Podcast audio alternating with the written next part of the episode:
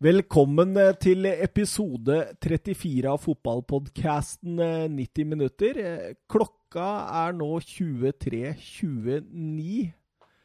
Eh, hva har du å si til ditt forsvar, Mats Granvold? Nei, jeg har jo vært og titta litt på fotballkamp. Da, det, og det er klart, når det er værforholdene vi har nå, så byr det på såpass mye problemer at uh, dommerne kom 45 minutter for seint. Og da Ja, da gikk det som det gikk, da. Åssen kamp var dette, Det- sånn i snøstormen? Det var uh, interkretskvalik, gutte 16, uh, Gjelleråsen mot uh, Lillestrøm. Og det gikk bra, eller? Altså, det ble veldig jevnt, da. Det ble 1-1. Uh, men det, da var det Lillestrøm som jubla, for da beholdt de plassen i interkrets, mens Gjelleråsen ikke fikk mulighet. Gjelleråsen jubla ikke. De jubla ikke. Nei, nei, nei, nei, så det er grunnen, ja. ja, for du, du Og, og det er jo verdt å nevne vår tidligere gjest, Robin uh, Ødegaard, trener for det Lillestrøm-laget. Ja. Syns du han klarte seg bra på sidelinja? Ja. Ja. Ja.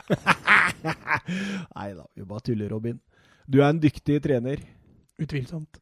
Eh, jeg tenker liksom eh, Du sa jo eh, at vi skulle begynne å spille inn 22.00, så jeg var ganske klar for det, da.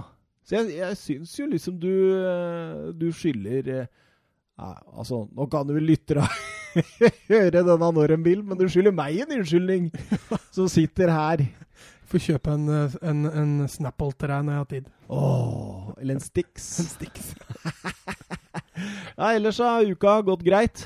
Ja, jeg kan jo ikke klage. Det har vært drittvær å føre, og fotballen i Norge er på hell. uh, Men uh, desto mer tid til å se internasjonal fotball.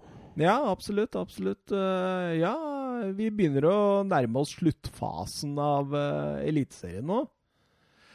Hva tror du om uh, Lillestrøm? Nei, jeg tror de holder seg, altså. Uh, selv om de taper de to neste, så er det fortsatt mulighet for å unngå kvalik. altså. Så du er ikke like negativ som min eh, gode venn Trym Hogner i, i harde mottak? Også i forhold til Jørgen Lennartson, så er jeg ikke veldig positiv. Jeg syns ikke han, han har gjort en strålende jobb, men, men i forhold til at Lillestrøm holder plassen, så tror jeg de gjør det. Ja, jeg er for så vidt helt enig i deg, men det, eh, det var etter at jeg kikka på hva de andre laga har igjen av kamper. Mm. Eh, så skjønner jeg ikke hvordan noen skal ta igjen Lillestrøm. Men det- det er altså ikke Lillestrøm sin fortjeneste. Nei. Åh. Det er ikke så ofte man holder plassen på 29 poeng. altså. Nei, det er ikke det. Eh, forresten, jeg, jeg satt og tenkte litt. Jeg, jeg har drevet og, og sett en del fotball i det siste, som, som vanlig. Og jeg har også eh, fått med meg en, eh, en god del fotballpodcaster nå den siste tida. Vet vet du hva? Det er noe som irriterer meg voldsomt. Og nå skal jeg liksom Jeg gidder ikke å nevne navn eller noe sånt nå. Men har du merka at det stort sett alle har blitt så tabloid? I forhold til hva da? Nei, i forhold til eh, liksom meninger og sånt. At det, det, det varierer og vingler i meningene etter som resultatene går hit og dit. Og nå sånn at jeg hørte det. Kjente du deg igjen, eller? Ja, ja. Ja. Vinglet, vinglet. Ja, du fikk jo kritikk for det. Nei, nei, men altså eh, Nå var det en fotballpodkast som hylla Manchester United igjen, da. Mente at det nå Nå har det snudd. Nå har det snudd, vet du. Nå er de, de hylla Pereira og Fred. Ikke sant? Jo, men Fred? Ja, Siste kampen hans? men han fikk jo voldsomt med rom, da. Ja, ja. Det- men Pereira, den, den skjønner jeg ikke. Det var natta. Nei, det Nei, jeg, jeg tenkte jo også det liksom sånn Altså, de, de satt også i en podkast og snakka om at uh, Sheffield United var totalt overlegne Tottenham i den kampen. Hva, hva, hva slags kamp er det de har sett, da? Det er, det er, jo, det er jo altså forventningene som eventuelt gjør dette. Mm. Altså, det er en helt jevn fotballkamp. Så det Folk skal dra det så på kanten for å eh, bli litt irritert. For å skape overskrifter. Ja, ja. Ja, jeg liker ikke det der. Lik- Må ha, må ha sånne klikk, vet du. Ja. Kall spade for en spade. Da tar jeg heller to klikk. Altså, det der, der er håpløst, altså. Ah. ujevn og, eller jevn og kjedelig kamp på Tottenham, og så får du mindre klikk. Ja, ja. ja, men kjør på, liksom. Så fortell sannheten. Ikke driv og Sensasjon... Hva heter det? Sensasjonellisering? Sensasjonalisering heter det, tror jeg. Ok. Ja. At du skal gjøre alt så sensasjonelt, enten den ene eller den andre Ja, veien. Altså, ikke sant? Det, det er jo sånn eh, Om Emry nå, liksom. Det, Arsenal er veldig gode på Arsenal-fansen. De kan sensasjonalisere. Ja, det er sant. Nei, eh, du, skal vi bare kjøre på, eller? Vi gønner på. Vi gidder ikke å nevne noe fantasy eller noe? Nei, Nei, vi dropper fantasy. Greit, det. Vi kjører musikk.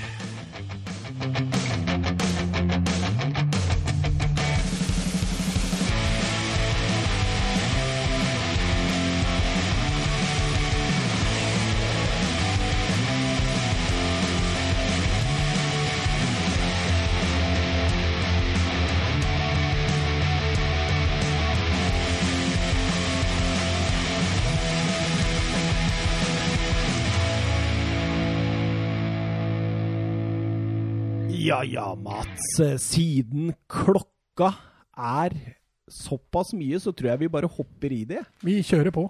Vi kjører på. Vi kjører på med Chelsea mot Crystal Palace, altså Premier League. Det ble 2-0 til Chelsea, det, Mats.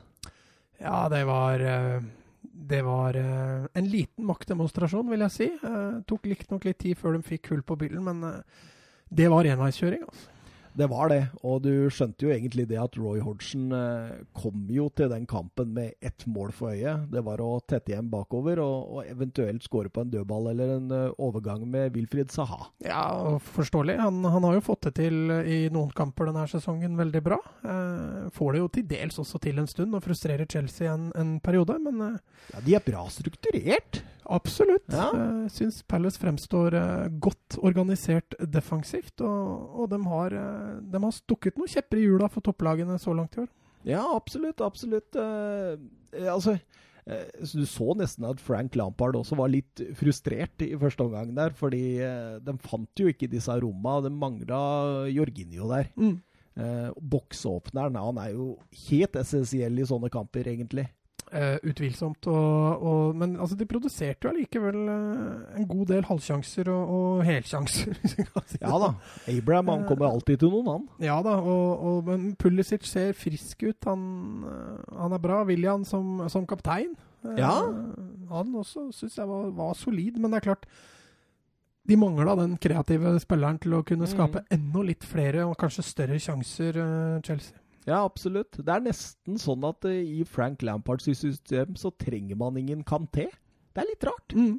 Det er liksom, Jeg tror ikke det hadde gjort så mye om de bare hadde casha inn en milliard halvannen på den. Men da måtte de erstatta med, en, med en, kanskje en litt mer kreativ eh, Ja, ja. type, som kan ligge litt dypere. Type, Ja, ikke eh, typ Modric. eh, typ.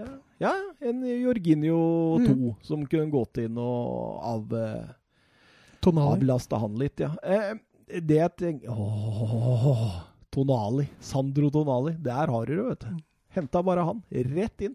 Eh, Chelseas eh, gjennomsnittsalder, Mats, eh, var 24 år og 88 dager. Det er det yngste Chelsea-laget i Premier League-historien. Ja. Ja, eh, Tenk deg når de bytter ut Hudson Odoi med William. da. ja. Da er du nede på 19, da. Ja, da gått ned på 17,5. 17,5, 17,5-20 i stil. Uh, utrolig, utrolig uh, spennende lag, altså. Og uh, Cesara Aspilicuelta, han fikk faktisk sin første kamp på benken på 73 Premier League-matcher. Han starta 73 Premier League-matcher på rad. Mm, Og James gjorde seg ikke bort. Nei, det der var fantastisk! Han tok jo helt lurven av Saha. Mm. Så der, der har eh, Chelsea nå et eh, luksusproblem. Ja, absolutt. Eh, seks strake seire for eh, Chelsea nå. Det har ikke skjedd siden mai 2017 under Conte. Da vant de ligaen. Jeg Mm. sier ikke mer. Nei, men eh, det gjør de ikke nå. Nei, det gjør de ikke. Det gjør de ikke. Eh, Tammy Abraham eh, fortsetter å imponere. Fortsetter å skåre. Ser det går en debatt nå i England om eh, skal England starte med Tammy Abraham eller Harry Kane. Ja, det er jo naturlig at det kommer, kommer litt diskusjoner. England spiller jo med én midtspiss, og- Abraham har jo, har jo imponert i år, så jeg skjønner jo diskusjonen. Men eh, det er vel ikke så lett for Southgate å benke Kane. Jeg tror ikke det. Og samtidig så er det jo sånn Hvorfor har de så hastverk, tenker jeg. Mm. Hvorfor, hvorfor skal man liksom etter Men, men eh, Kane også kan man droppe ned i en tierrolle-type, da. Eh, Rett bak, ja. Ja, så du, Ja, kan, ja. du kan få det til med begge to også, men ja, nei, jeg er enig. Eh, Gi han noe innhopp, og så kanskje neste kamp, når, eh, hvis England slår Montenegro i den første kampen, så, så er de jo sikra. Da kan de eh, Eksperimentere. Kan de eksperimentere litt i neste, så da, da kan heller Abraham få muligheten der. Ja.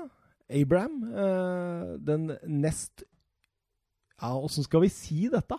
Altså, han er den spilleren eh, Den nest yngste spilleren som noen gang har kommet til tosifra i Premier League-historien eh, for Chelsea, da. Mm. Vet du hvem den yngste var? Eh, er det litt sånn nyere tid, eller? Ja, det kan du for så vidt si. Han har nettopp lagt opp. Å oh, nei, pass. Arin Robben. Ja. Han eh, var enda tidligere til tosifra i yngre alder. Ja. Eh, strålende Chelsea-lag. Eh, vi tar av oss hatten, egentlig, for det Lampard gjør. Ja, det er det bare å gjøre. Nå nå, Vi har jo snakka om dette også tidligere, at nå, nå, ser det nesten litt ut som, som Lampard har fått uh, ordentlig, ordentlig, dreis på dette her og, og har tatt laget opp nå på tredje, forbi, forbi City igjen, og, og mm. ligger av poeng med Leicester. Så. Men det er fortsatt langt opp igjen til de som eh, leder. Ja. Eh, tar av hatten, det gjør vi ikke for Tottenham, som møtte Sheffield United. Det Nei, 1 -1, den hatten er fortsatt godt tredd nedover øra. Eh, de, de, sliter med å finne ut av det i Premier League. Ja, absolutt. Eh, Son 1-0 etter 58 minutter. George Boldock uh, utlignet den 12 minutter før slutt. Uh, det man diskuterte mest i etterkant av den kampen, var jo VAR. Jeg føler VAR følger litt som litt etter Tottenham. Det er mye VAR med Tottenham. ja, det er veldig mye VAR med Tottenham, enten den ene ja, eller den andre veien. Det går selvfølgelig begge veier, men, men, det er alltid en situasjon i Tottenham-kampene. Nei, altså Sheffield United, jeg velger også å hylle dem. Jeg syns de gjør en strålende, ny strålende kamp mot ett av topp seks-lagene. Ja, ja, ja. Det er strålende. Eh, det er, det er fantastisk gjennomført, og, og når du ser når du ser eh, sjansestatistikk og, og, og, store sjanser, så er det, det er helt likt fordelt. Men jeg slipper ikke helt den VAR-situasjonen, jeg, Mats. Fordi altså, det som er greia her, da, det er jo det at uh, Stirling fikk vel en annullert på nøyaktig samme måte, på en måte, med lik på en måte margin uh, tidligere i sesongen. Uh, det ble også litt kritikk ut av det. Selvfølgelig ble det det. Jeg er alltid noen som er uenig, men jeg, jeg tenker det at det, er ikke det en rød tråd, da? Er ikke det greit? Jo. Ja, jeg er helt enig. Når de først har satt en linje, så Ja, altså, altså eh, Skal det være lov med bitte litt offside, men Nei. ikke lov med litt offside? Hvor, altså, nå, nå, offside, her offside. må man bare skjære igjennom og skape en rød tråd. Offside er offside, og hens er hens. Så enkelt er det. Ja, absolutt. Jeg eh, forstår ingenting av den diskusjonen egentlig som kommer når uh, linja er uh, tegna opp. Mm. Uh, ja, nei, som sagt, jeg vil hylle Sheffield United. Utrolig morsom, innovativ fotball. Det ser alltid ut som de er én mann mer på banen. Ja, jeg er enig. Uh, måten Sheffield United spiller på, det er, det er veldig modig. Uh, samtidig, som du sier, innovativt. Uh, jeg tror veldig mange lag blir overraska over måten Sheffield United spiller på, også at de får det til så bra. med disse stoppera som går, og kan gjerne kjøre begge stoppera fram, og da ser du hvordan midtbanen justerer seg underveis når det skjer. og, og så altså, I angrep altså, de, Jeg så forrige målet Sheffield United skåra før den kampen. her, altså, De hadde jo masse trekk i laget før de hadde gjennombrudd og skåring. Ja, ja ordentlig gøy å se på dem, og at de ligger på femteplass. Kjempegøy. Selv, ja, om vi, selv, om vi, har tippa dem uh, litt lenger ned. Da. Og så vil de jo naturligvis gå litt nedover etter hvert som sesongen uh, sklider ut. Ja, altså De vil jo sikkert få noen skader og suspensjoner etter hvert, og de har jo ikke en så brei god stall. Og så, og så kommer sikkert til punkt der hvor, hvor, hvor klubbene i Premier League begynner å finne litt mer ut av det, og da, da blir det litt vanskeligere, selvfølgelig.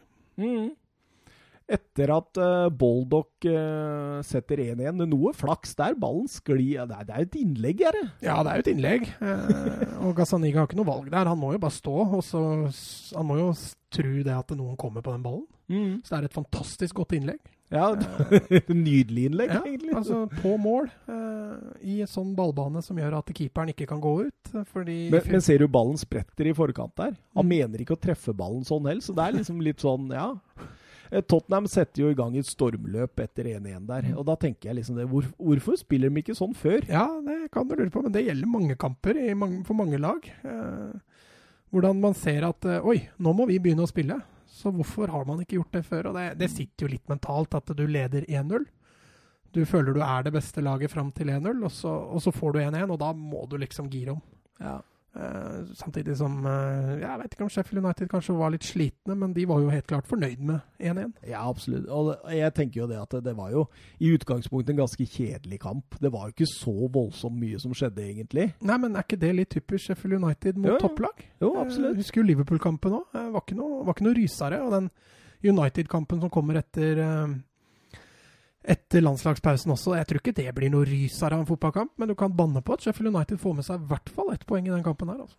Eh, sannsynligvis tre, tenker jeg, men det kommer vi tilbake til. Eh, Petter S skriver på Twitter eh, Tottenham Hotspur. Topp fire-håpet er det i ferd med å svinne hen. Ja, altså akkurat nå eh, så har de jo elleve poeng opp til, eh, opp til fjerdeplassen. Og det med tanke på de lagene som allerede ligger på fjerde, og med tanke på lagene som nå ligger foran dem på tabellen, så blir det tøft, altså. Satser på Champions League og FA Cup nå, da. Ja, altså nå har de jo allerede Nå er det så å si safety Champions League. Slår de Olympiakos på hjemmebane, så er jo den saken grei. Og så FA-cupen, der er det jo likt for alle. Ja, jeg tror ikke det er kjørt, jeg, da. Jeg tror at fortsatt Nei, men jeg sa ikke at det var kjørt. Nei, nei, takk. Eh, Jeg tror eh, det ikke er i ferd med å svinne hen enda, men de må få de må få dampen opp her. De må få uh, ting på plass. Jeg veit ikke hva som er uh, problemet, egentlig. Det, det virker nesten som altså, Fordi du ser jo det fulle potensialet i enkelte deler av uh, de forskjellige matchene, men så faller det så voldsomt igjennom igjen. Jeg tenker, eh, Er det bare en nøkkel som må vris om her til et nytt stadie, eller, eller trenger man en totalrenovering? Altså Dvs. Si Porcetino ut og hele pakka. Hva tenker du? Nei, Jeg tror kanskje ikke Pochettino ut nødvendigvis eh, er eh, løsningen, selv om det, det sikkert kan være én løsning. At man må bytte ut noen spillere der, det, det tror jeg Tottenham må. Altså, Jeg sier ikke at de ser metta ut, men de, noen, av dem, noen, av dem, noen av dem, ser, ser, litt, ser litt fed up ut, og, og kanskje trenger noen Ja. Vi går litt videre, vi, og så går vi til Leicester mot Arsenal. Eh, klasseforskjell på King Power Stadium, eller?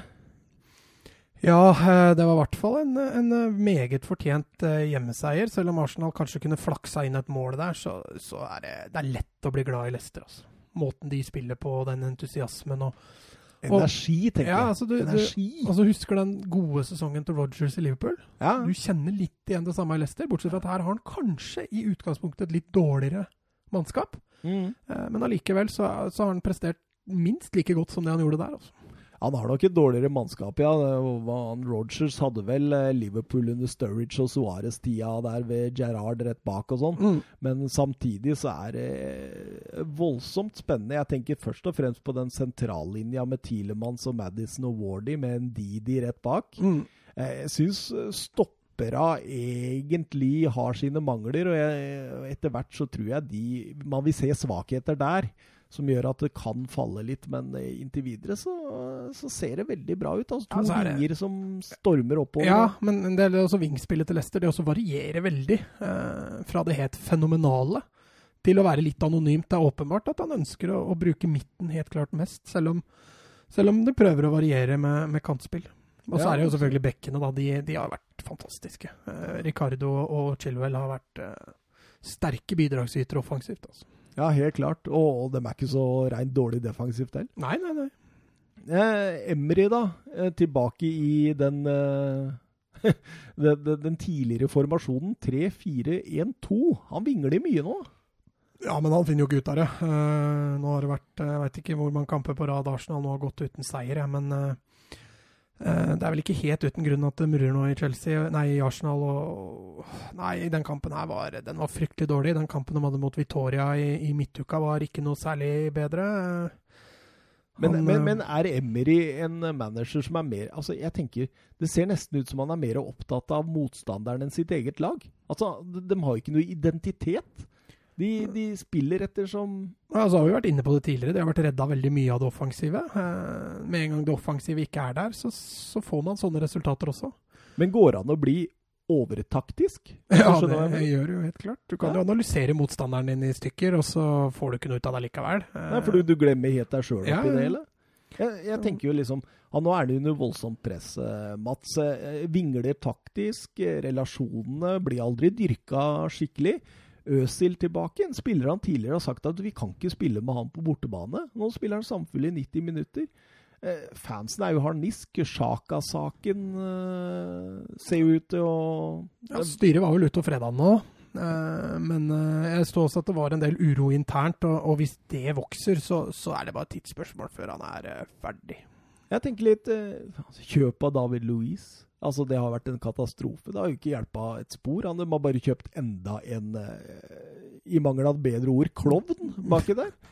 Ork, mangler, mangler, du bedre ord enn det? og jeg tenker også PP. Han ser jo ut som en fiasko. Ja, altså, Reine ordet for penga her. Mm.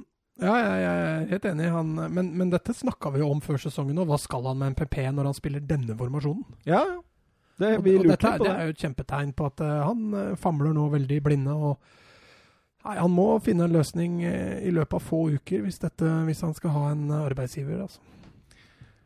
Hva tror du Dani Ceballos tenker nå?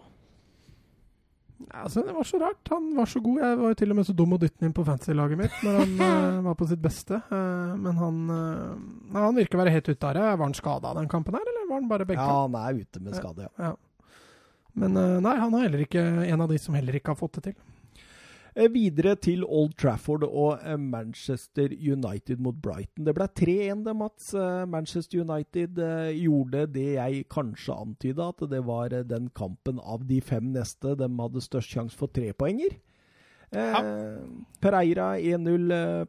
Davy Prupper selvmål tre minutter etterpå. Da, da, da ligger jo Brighton 0-2 under på Old Trafford etter 20 minutter. Og det, akkurat det, Mats, det er det verst tenkelige scenarioet mot Manchester United. Ja. Uh, United kan kontrollere det defensive og kjøre overganger. Det, det er det de ønsker. Uh, og der fikk de jo vilja si, hvis vi kan si det sånn. Ja, jeg syns jo det. Altså det. det. er jo kanskje den beste kampen jeg har sett av Manchester United i denne sesongen, og det er langt ifra uh, med for min del på å friskmelde dem, altså. Nei da, jeg ikke altså, Det som gjør at det er vanskelig å friskmelde dem etter den kampen, her, er at de blir fortsatt ikke testa ordentlig på på det vi har kritisert dem for òg. Eh, Brighton de varierte, Pøser. de varierte jo presshøyden sin. Ja, De lå ikke konsekvent bak i, i, i boks og forsvarte. De, de pressa høyt, de flytta fram mye folk når de hadde ball. United fikk egentlig veldig mye inn i sitt spor. Og, og så når ting flyter så bra som vi gjør i den kampen der, så er det gøy å se på dem. Men føler du at uh, Davy, uh, David Pro... Nei, nei, nå snakker jeg helt feil. Graham Potter Eh, gjør du hjemmeleksa di når du opptrer sånn som bortelag?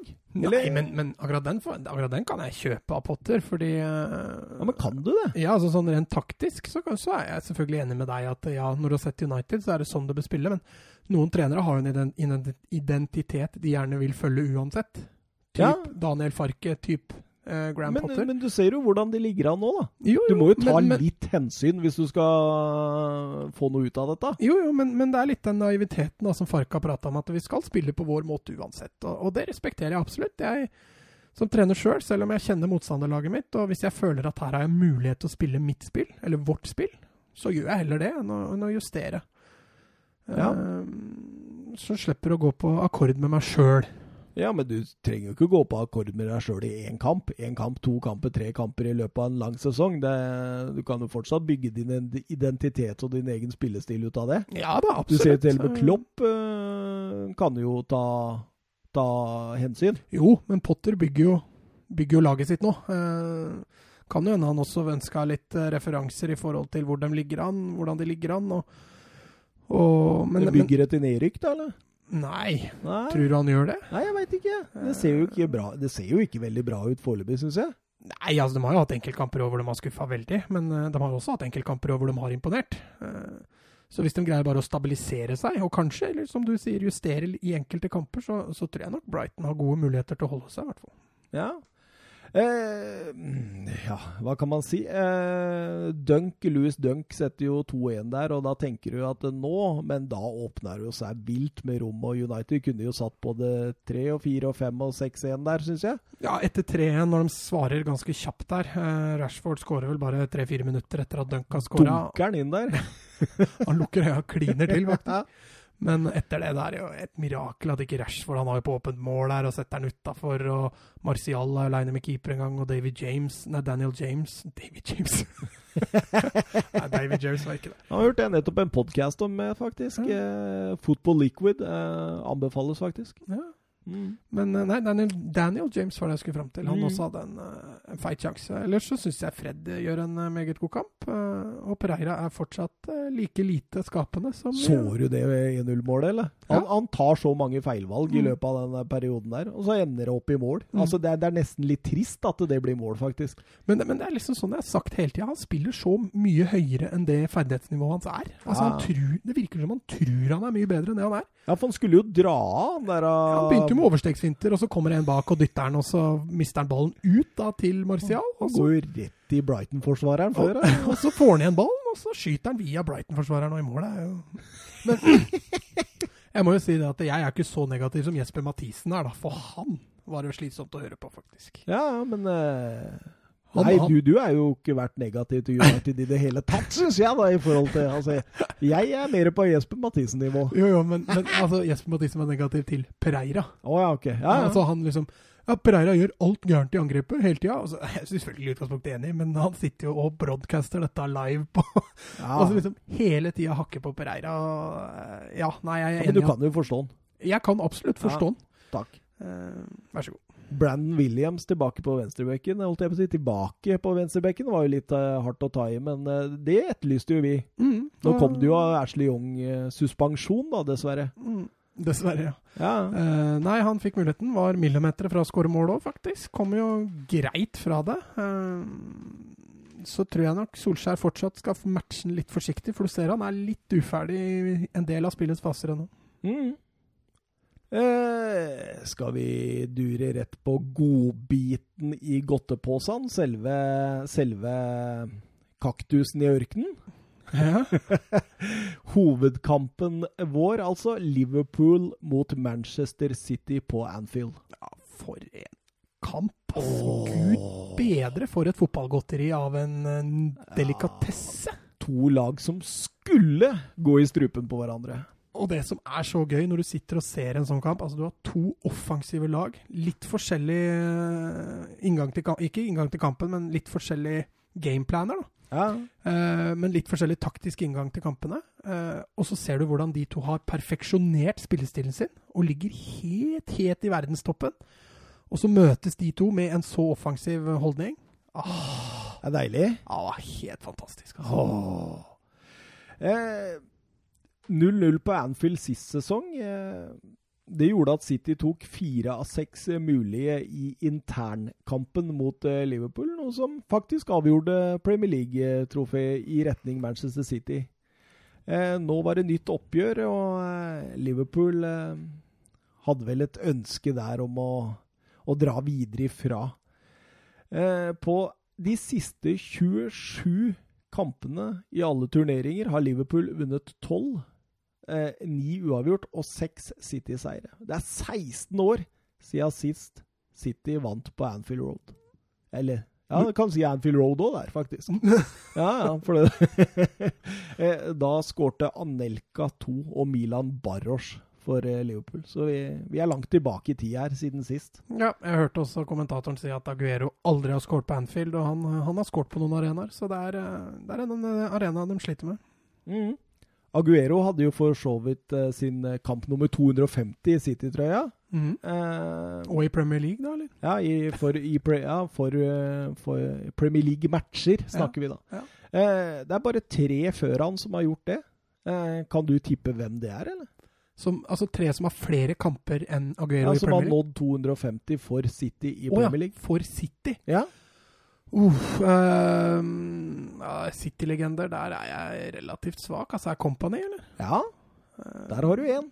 Men da tror jeg vi må tilbake litt i tid, altså. Ja, men det er jo fortsatt Premier League, da, så husk Ja, ja, det. husk ja. det. Uh, ikke, nei, ikke David Silva.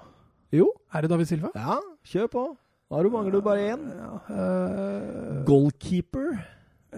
Joe, ikke Joe Hart. Jo. Er det Joe Hart? Joe Hart Burde er de egentlig tre tatt den. Tidligere. Um, Liverpool uh, ja, Visste du forresten at uh, Klopp er den manageren eh, Guardiola sliter mest med. Ja, det kunne jeg egentlig ant, ant meg litt. Ja, På 17 kamper så har han bare 1,35 poeng i gjennomsnitt mot, uh, mot uh, Jørgen Klopp. For det er litt sånn type fotball som han kan slite med. Det, Mm. det aner meg. Og uh, ja, for, altså, hvis du tar Mourinho, da, så har han 1,77 poeng per kamp. Og Pochettino 1,94. Det var de tre managere han har møtt oftest. Mm. Eh, så det er åpenbart at han sliter litt ekstra med Klopp. Og, og, og jeg fant jo denne statistikken og dette er fram før kampen, og så tenkte jeg OK, det er 16 år siden City vant på Anfield. Klopp har et godt overtak på Guardiola, og Aguero skårer ikke mål der.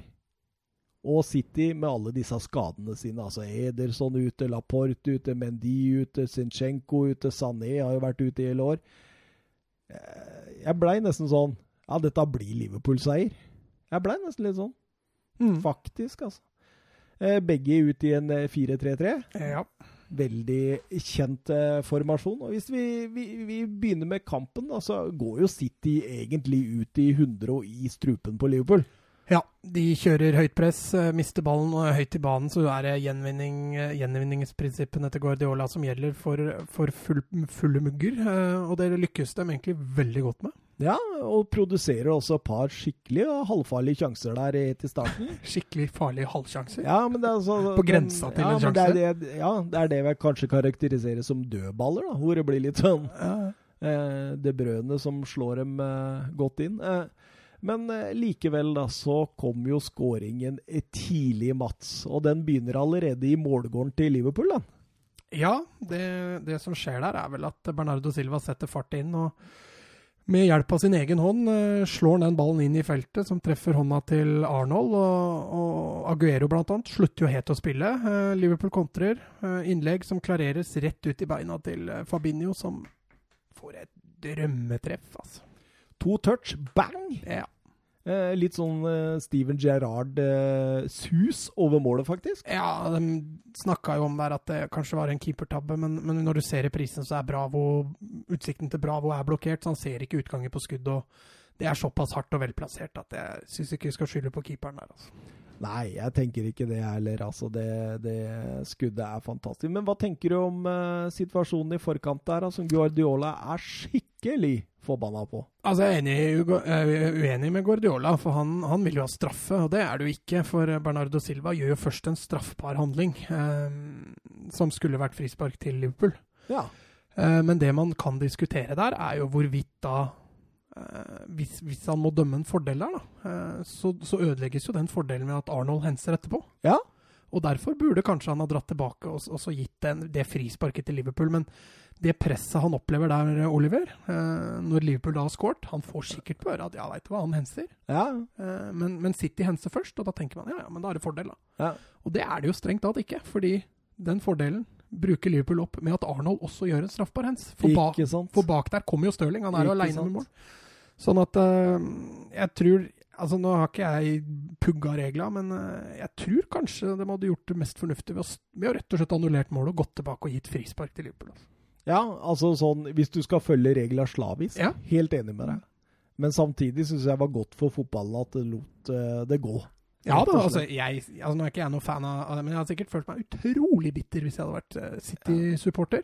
Ja, ja. uh, og jeg er ikke Liverpool-supporter heller, men, men for min del så, så plaga det ikke meg heller at den Men, men, men, men det helt riktige her, da. Det helt riktige, hvis vi skal gå tilbake til eh, grunnprinsippene hvor de snakka om hands-regelen og var og sånt, så er det hvis du drar en fordel som en offensiv spiller av en hens, så skal det være frispark utover.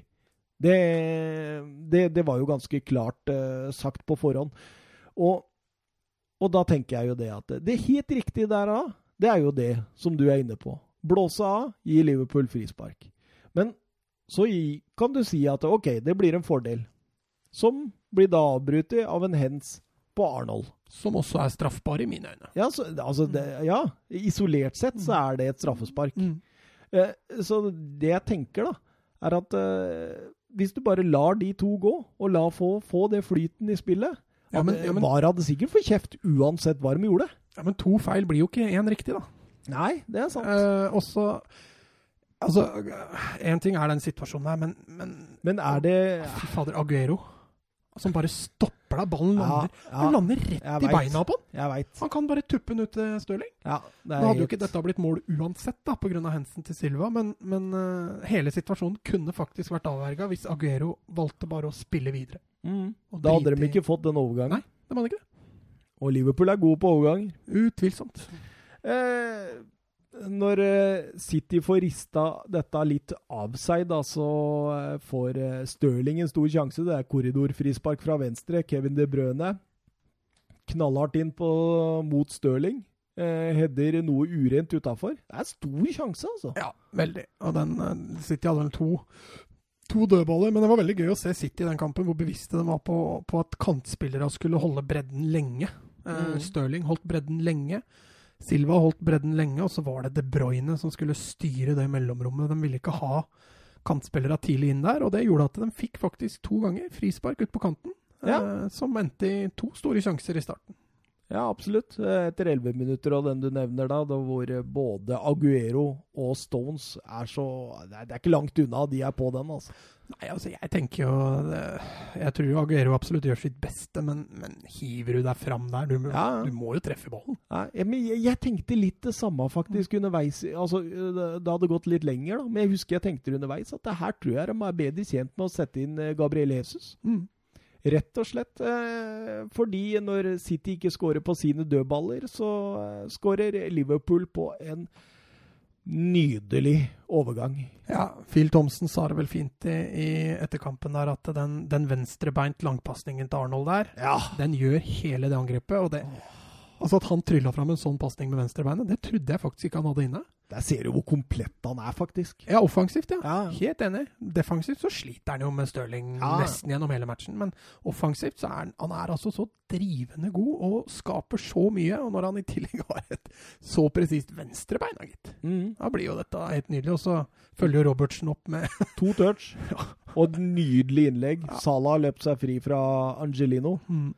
Og headeren på ett touch. Altså, det er vel fire touch, det, fra eh, Arnold Schmelleren eh. Men her igjen, altså, det, er, det er så perfeksjonert. da. Du ser Firmino true rommet mellom stoppera. Sala kommer imellom rommet mellom stopperen og Beck. De truer så mange rom, eh, og det er vanskelig å forsvare seg. Så Du kan skylde på Angelino, du kan skylde på Fernandinho, men Og det løpet til Salah òg, for du ser at han ser at Angelino er i ferd med å ta han litt igjen. Så han Mm. løper inn i ballbanen hans. Bare, bru- bare handa litt ut, sånn Mm. at han stenger av rommet. Og så har han fri, eh, og det innlegget fra Andrew Robertsen der ja, er- så er det så god timing. En halv meter onside, liksom. Det er, det er helt nydelig. Og da hadde Liverpool gått opp til 2-0 etter 12 minutter. Og eh, jeg var også inne Jeg, jeg drev og kikka litt på statistikker før. Og da slo det meg en statistikk jeg hadde lest om, at Liverpool har ikke tapt på 232 Premier League-kamper når de kommer eh, i ledelsen med to mål eller mer. 232 kamper uten tap, Mats! Ja, men det også sa vel Jeg, vet, jeg tror Nils Johan Sembel sa noe det lignende der at eh, ja, når Liverpool leder med to mål, så pleier det jo som regel å gå veldig bra. Ja, det kan man jo trygt si ja. i forhold til statistikken. Men så var jeg også enig med han at at nå møter de jo City, og City viste jo at de var på. Ja da. Og Ja, når da, du leder etter 13 minutter, så er ikke kampen avgjort når du møter City. altså. Nei, nei, nei. Jeg var ikke Men- men jeg- sikker for at det skulle jeg- dras ut for det, men jeg tenkte at uh, her Den statistikken er eh, skremmende god, altså. Og etter 20 minutter der, Mats, så kommer eh, Liverpool til en sjanse. Vinaldum og Mané. Vinaldum som spiller vegg med Mané og får han tilbake, skyter eh, utenfor. Eh, ja eh, Jeg syns jo Liverpool på en måte opptrer veldig sånn klokt etter Mm. 2-0. Ja, og de overlater mye til City. De ønsker å kjøre litt kontringer. Du ser når Liverpool skal angripe etablert, så tar de seg ikke så veldig god tid, sånn som når de møter litt dårligere lag. De er, uh, de er gira på å komme til avslutning så fort som mulig. Mm. Uh, Det og var jeg- åpenbart en plan, det der. der altså. Ja, ja, ja. Og så var det hjem og så senke seg litt. Grann. De prøvde å justere presshøyden litt, grann, men du så City. De, de var gode på det. altså Frispilling bakfra, det, det kan Guardiola. Det, det tror jeg Klopp også visste. så De hadde noen sped forsøk på høyt press, men Ellers så la de seg bare litt bak og venta på City. Ja, absolutt. Og du så jo det at det, hver gang City hadde dødballer, så var det to-tre Liverpool-spillere på løp omtrent med en gang den dødballen ble slått, altså. Mm. Det var, det var åpenbart noe Klopp hadde sagt til dem, at eh, dødball til City, det er sjanse til Liverpool. Mm. Eh, 24 minutter, eh, ny City-sjanse. Eh, fantastisk eh, spilt ut bakfra der. Eh, ekstremt mange trekk, god bevegelse. Angelino til Aguero, rettvendt i 16-meteren. Går utover luka på Fabinho og skudd. Alison eh, sikker der. Ja. Hadde den, eh, hadde den kampen blitt spilt på Etiad, så hadde den gått i mål. Ja, Men. Aguero skårer jo ikke på Anfield. Nei. Så der bør han jo bare skjønne det sjøl og sentre. ja, enkelt og greit. Han skårer ikke på Anfield. Han skårer jo ikke på Anfield, så det er bare dritt i. Eh, 28 minutter, en ny City-sjanse. Denne gangen i stolpen. Angelino. Ja, feit det nå. Men ja, han blir Kevin De Brøne gjennom spillet der, da. Hæ? klassisk De Bruyne. Det er klassisk. Ja. Nydelig. Og du, du ser jo liksom på en måte hvordan han klarer å spille den i nøyaktig det rommet. Eh, bak Lovren og foran van Dijk. Det er sånn helt fantastisk, altså. Og eh, at eh, det var Angelino som kom igjennom der, og ikke Stirling, redda nok Liverpool på mange måter. Ja. Eh, 37 minutter, eh, Liverpool-sjanse. Det, det gikk jo i ett, dette her. Jeg, jeg, jeg satt til slutt også, når jeg noterte ned sjansene i kampen, så satt jeg til slutt og tenkte det, Mats, at jeg, jeg kan jo ikke ta med alt. Nei, altså det var jo en ekstremt intens kamp med to ekstremt offensivt prega lag, som, som helt klart hadde, hadde hovedfokus på det offensive. Og, og sånne kamper er vanvittig gøy når det er så klassespillere involvert. Som jeg sa tidligere, så Nei, det er bare å ta de største sjansene, egentlig. Mm. Og der ser du også Liverpool eh, sin lille plan med å spille på seg et høyt press. Mm. og eh, den ballen Alison slår til Trent Alexander Arnold der ute på sida, han tar med seg ballen, går rett på. Eh, fantastisk løp. Eh, finner Firmino, eh, som eh, utfordrer Han våger vel ikke å utfordre Walker i det hele tatt. Han skyter. Jeg syns det var litt feigt av Firmino. Eh, det bør gå rett på Bravo. Eh, hva, hva, jeg, jeg tenker at en Firmino i sånn skikkelig form Han ville jo i hvert fall tatt en uh, liten skuddfinte eller et eller annet, men han, han skyter liksom han, han gir opp når han ser er ei Walker som står der. da. Ja, kan hende det er mentalt, at han ser hvem han spiller mot. Og, og At velger, han er raskere på de første ja, han velger liksom. å spille på sine egne styrker framfor, uh, framfor motstanderen. Men uh, altså Firmino utafor 16 er jo, er jo skummelt, det òg. Og vi satt jo der i sofaen og var nesten svette. Det var helt, Du var jo, levde jo deg helt inn i matchen. Ja, og to trenere som var ekstremt engasjert. Ja, det Eh, 41 minutter, ny Aguero-sjanse. Eh, Kevin De Brøne rundlurer Fabinho sentralt i banen der. Setter fart og spiller ut venstre. Eh, litt det eh, Pereira ikke gjorde på 1-0-skåringen til United. Aguero eh, kommer skrått, eh, skyter utenfor. Skulle sett eh, Kevin De Brøne der. Han var jo på løp inn igjen. Mm. Se Kevin De Brøne er fly forbanna for at Ja. han ikke får den i retur. Men, men, men det er ikke det litt Aguero?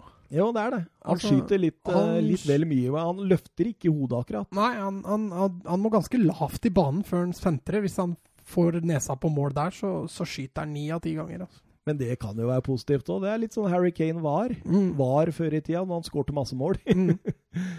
Eh, 45 minutter. Eh, Salah tester Bravo fra rundt 20. Eh, Firmino spiller ut på Salah, som står på 20. Køleren, men eh, ikke nok til å lure Bravo. Nei, der hadde han i hvert fall rekkevidden inne, Bravo. Der ser du at han heller ikke er eh, dekka når skuddet går, så han, eh, han får rekke fram på den. Og da ebber det ut, da. 2-0 eh, til eh, pause. Og eh, jeg tror det var to managere som i utgangspunktet var fornøyd med det de så av laget sitt. Eh, ja, eh, det tror jeg òg. Jeg tror eh, City fikk kampen inn i det sporet de ønska, bortsett fra at Liverpool skårte to mål. Ja, ikke sant? Ikke sant? Eh, mens Liverpool satt jo selvfølgelig og var fornøyd med at de hadde skåret to mål, og jeg tror også Klopp følte at eh, gameplanen, den, den satt. Selv om jeg tror kanskje han også skulle sett at City skapte litt mindre sjanser, så, så, og så ser du også der, eh, der Klopp eh, la seg, egentlig, mot eh, Tottenham. Mm. Der eh, fortsetter han å angripe mot City. Eh, hvorfor har, Jeg prøvde å gjøre meg opp noen tanker angående det. Hvorfor du legger deg mot Tottenham, men eh, kjører videre mot City. Eh, har, jeg klarte ikke helt å finne ut hvorfor han gjør det sånn. Hvorfor eh, Hva jeg, tenker tror, du? jeg tror det går litt på at angrep også kan være det beste forsvar. For, eh, for City er et bedre lag enn Tottenham når det kommer til possession-delen. Eh, Ja. sånn så, eh, så i etablert så skjønner han det at etter hvert så vil det glippe uansett, hvis du får for mye press på deg. ja, altså, jeg tror City er jo ekstremt dyktig til å utnytte rom, uansett hvor det oppstår på banen. Mm. Eh, sånn at å ligge og forsvare seg 90 minutter mot City, det, det, er, det er vanskelig. Spesielt for et offensivt lag som Liverpool. Da. Men det er forskjell eh, i etablert eh, City er forskjell etablert med David Silva enn uten. Og Ja, David Silva var jo også en av de altså Du kunne nesten kalle han skada. Han var jo ikke helt klar, han heller, selv om han satt på benken der. Nei da, det er jeg enig med deg i det, men jeg syns jo De Bruyne gjør en kjempejobb i mellomrommet der når når, eh, når Ja, man er ikke noe boksåpner sånn sett, egentlig. sånn, jo, han, Ja. har, han har jo den dimensjonen nå. Jeg skal ja, altså, han, han, er, han er ikke den Nei. Iniesta-boksåpneren, men han har jo de hvor han kan trylle fram en genial, et genialt innlegg, eller Så han også kan jo være den boksåpneren på en litt annen måte, bare, men eh, Altså, Stirling også. selv om han var god én mot én og gjorde det mye riktig, så så du frustrasjonen hans bare og utover vokste omgang og vokste og vokste. og Og den, og- den frustrasjonen den tok han med seg inn i landslaget òg. Ja, ja, ja. Han eh, var ikke ferdig med Gomez, i hvert fall. Så det, der måtte man rense lufta. Eh, Ut i annen omgang tar det jo bare fem minutter, og så setter Mané 3-0. Og trodde du det var uh, kjørt da? Ja. Ja. Det trodde jeg. Eh, og litt av grunnen til det var at uh, jeg tror City følte seg utrolig snytt. Ikke fordi at uh, dommer og sånn gikk imot dem nødvendigvis, men at de, de følte nok at her har vi vært bra, og så ligger vi under 3-0, liksom. Uh, Men der er det mye å ta tak i for Guardiola defensivt, altså. ja, jeg syns Walker hadde en svak kamp. Og, Ja, skikkelig. Og selv om jeg syns Fernandinho var, var OK, men du ser at han plasserer seg feil noen ganger, og det går på at han har jo ikke spilt nok stopper. Eh, og John Stones virker litt rusten. Ja, så tenker jeg også på presset Gundogan Ja, ja. og Angelino har på Henderson der. Det er jo Mm. ikke akkurat eh, Det er jo ikke akkurat Arin Robben som kommer ned over høyrekanten der når han får lagt inn Nei, og du har jo klaga på at Henderson ikke er nok skapende, så Ja, men det altså du, Han er skapende når han ikke får press på seg at all, liksom. Nei, jeg er helt enig. Angelino og Ja, var det, var det Gundogan som var der? Ja. Eh, Det er et fryktelig press, og du ser det er vel Firmino som får det oppspillet. Det stemmer. Eh, som enkelt legger han til Henderson, og Henderson jo altså tenker jo der at når Henderson begynner å dra med seg den mot cornerflagget, så tenker han at nå er det angrepet over. Det er kanskje det Kyle Walker trodde òg. Ja, og, og så går det innlegget der, og det Nei, det var eh, Mané. Stupeder inn. mm. Strålende. Han er i form, altså. Han er i glitrende form. Eh, tre minutter etter der, eh, City ja, eh, fikk jo aldri følelsen at de ga seg. Nei, men eh, jeg tror nok mentalt at de hadde tapt, men at de bare fortsatte i samme spor. Og fordi City er så gode og så drilla på det de driver med, så tror jeg det at eh, City kunne holdt på sånn selv om de lå under 5-0. Og jeg også. Når Stirling drar seg innover der, blir blokka av uh, Lovren, verdens beste midtstopper. Mhm. Det er bra Lovren der. Ja, der viser han faktisk verdensklasse. Absolutt. Liverpool gjør et bytte etter 60. Henderson ut. Hadde visst vært litt småsjuk i forkant. Mm. Milner inn. Uh, har vel ingenting å si i forhold til det taktiske her. Det er vel to identiske typer. Med litt forskjellig alder, det er vel eneste forskjellen der. Ja, Han ene orker kanskje litt mer enn han andre over tid. Mhm. Eh, 64 minutter eh, roper Stirling på straffe. Mats eh, utfordrer eh, Mané og Trent Alexander Arnold i sikring der. Eh, inn i 16 og får en liten dytt av Mané. Ja, Han får de to armene i ryggen som gjør at en straffe kunne vært forsvart, men det hadde vært en eh, det hadde Ja, vært fordi det er så høy fart, tenker jeg. Du, det, skal, det er så lite som skal til da, for at du kommer ut av balanse. Men eh, det er for så vidt helt greit at det ikke dømmes straffe der òg. Det er jo ikke noe clear and obvious. så- Nei, VAR sånn skal sett ikke inn der, synes jeg. Så er det greit. Eh, 67 minutter eh, inn i kampen. Eh, Aguero eh, misbrukte mye sjanser. Eh, kom til en da også. Eh, Stirling som setter den opp. Eh, får jo egentlig Aguero ut høyre og Kevin De Brøne ut venstre. Hadde valg. Bruker eh, Kevin De Brøne, som spiller fint igjen mot eh, Aguero og Stirling. Eh, Aguero kliner til. Det går ikke Aguero sin vei. Nei, og nå skal du vel til det byttet som kommer rett etterpå. Det Altså, Vi har snakka om det før, at Guardiola spiller jo Jeg tror nesten av prinsippet at han ikke spiller Jesus og Eguero samtidig. Mm. Han har gjort det noen ganger. Ja, men da, da, Jesus på venstre. Da har Jesus spilt kant, ja. Eh, men å kjøre to midtspisser, det, det gjør ikke Guardiola. Da, når han da skulle ta ut Aguero, så, så var det jo naturlig at Jesus kom inn. Ja, han kommer inn, og eh, ikke mange minuttene etterpå så sitter tre igjen. Bernardo Silva. Ja, det var jo et herlig innlegg. Det var jo et herlig angrep Nei, det var etterpå, det. Mm. Sorry. Ja, Bernardo Silva. Eh, var vel Angelino som dro opp på venstre, og så eh, Bernardo får ballen på Ja, det er jo van Dijk som vinner, eh, vinner, en duell inn i feltet der. Og så skal Fabinho egentlig bare vende av på 16. Ser, det ser ikke ut som han har god nok oversikt, og Kevin De Brønne vinner den. Mm. Eh, Angelino ut igjen og markryper gjennom hele feltet. og Det er nydelig satt. Absolutt. Han finner eh, hjørnet helt nede der hvor Alison ikke rekker fram. og ja, det er ikke noe annet å si enn at det var en meget god avslutning. Og da svarer Klopp med å sette inn Oxlade Chamberlain for Firmino og skal lokke kampen. Ja, han uh, har jo vist dette tidligere også, at han, han, er ikke fremmed for å gjøre litt taktiske grep for å ta hensyn. og det, det gjør han der, og det gjør han også ved neste bytte. Ja, men uh, tenk om City hadde skåret der. Mm. Den neste sjansen. Og det var et nydelig angrep. Altså. Oh, fantastisk angrep. Og uh, Stirling Altså, jeg syns Altså, jeg har sett Fabinho har blitt uh, eh, hylla som banens beste i mange, mange aviser og mange steder. Og, og mange forstår seg på det.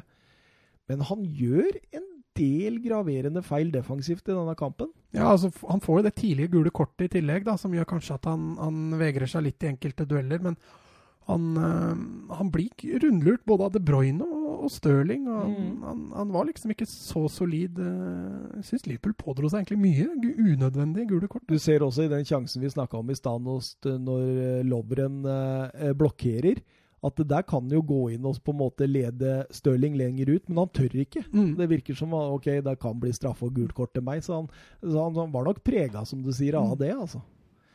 Eh, men eh, den sjansen, da eh, det er bra gjort av Stirling der, og det er så vidt Jesus klarer å på Er det et slags hælspark eller en dragning, eller hva er det han prøver på der?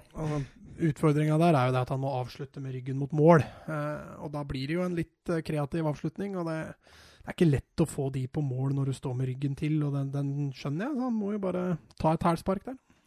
Ja. Etter 82 minutter har jeg skrevet her eh, Pep klikker.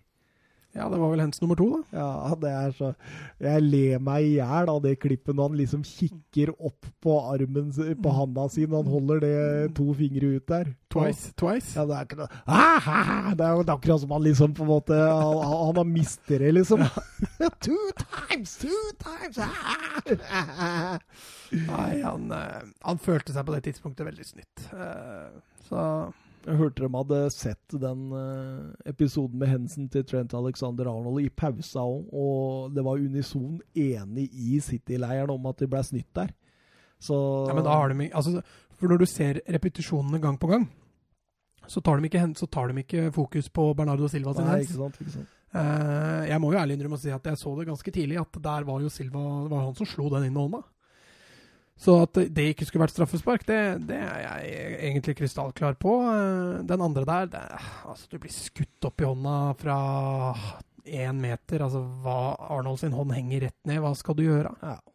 Kan ikke kappe av deg henda. Nei, det er jeg helt enig i. Uh, så der Tottenham ble straffa beinhardt i Champions League-finalen, der slapp Liverpool unna ja, i denne matchen. Men det, det, skulle bare mangle. Jeg står helt inne for at det ikke er straffespark.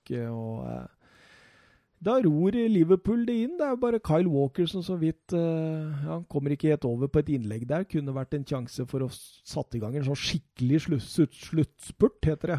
Ja, uh, men han timer det litt feil. For du ser han går opp for tidlig. Uh, han er på vei ned når ballen kommer inn, og da, da, går, mm. da kommer han ikke nok over. og det Får litt vondt i ryggen der òg, tror jeg, for han må veldig lagt bak for å, ja, ja. For å heade den. Men nei, det ebber ut. og Ja Gomez for fire minutter og klarer å yppe på seg Stirling der. En, en Stirling som var totalt ute av Ja. balanse der. altså. På det tidspunktet var, var Stirling ekstremt frustrert. Han var jo etter Trent òg, så, så han eh, var eh, åpenbart frustrert. Og som vi var inne på i stad, så tok jo Stirling med seg dette til landslagssamlinga og hadde jo eh, i lunsjpausa eller noe sånt noe konfrontert eh, Gomez. Mm. Eh, såpass eh, ille hadde det vært at han ble sendt hjem. Eller Han ble ikke sendt hjem, men han det er ble suspendert i første kamp. Ja. Så han spiller ikke mot Montenegro. Og jeg ser engelske aviser, og så har trukka opp noen bilder av Gomez med en liten uh, kilevink i eh, kinnet, uten at jeg veit om det. Det er i hvert fall altså, det det jeg- spekuleres i. Jeg har også hørt noen spekulasjoner nå om at Gomez har gått til Southgate og sagt at eh, ikke suspender eh, Stirling. Han, eh, vi har skværa opp, alt er OK, liksom. Ja, Men eh, åpenbart at Southgate vil et, statuere et eksempel på at vi tar ikke med oss klubbfotballen inn i landslagsfotballen. Nei. Um, har du banens beste poeng her inne, eller? Eh, ja, jeg har gitt uh, tre poeng til, til uh, Vinaldum. Ja. Jeg syns han er eh, best, en av de beste kampene jeg har sett han i. Han får liksom brukt mye av styrkene sine. Han er flink til å fylle opp i boksen. Han er, eh, viser også at han har tilrettelegger. Han er, var overraskende god én mot én. Måten han driver forbi motstanderne sine på, syns jeg var helt nydelig. To poeng til Mané. Eh, som du sier, han er i kanonform.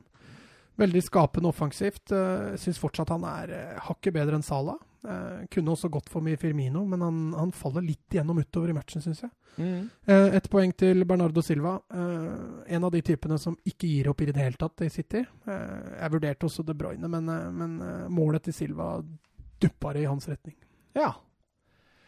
Jeg har eh, egentlig eh, samme trepoenger. Eh, Vinaldum. Strålende kamp av han.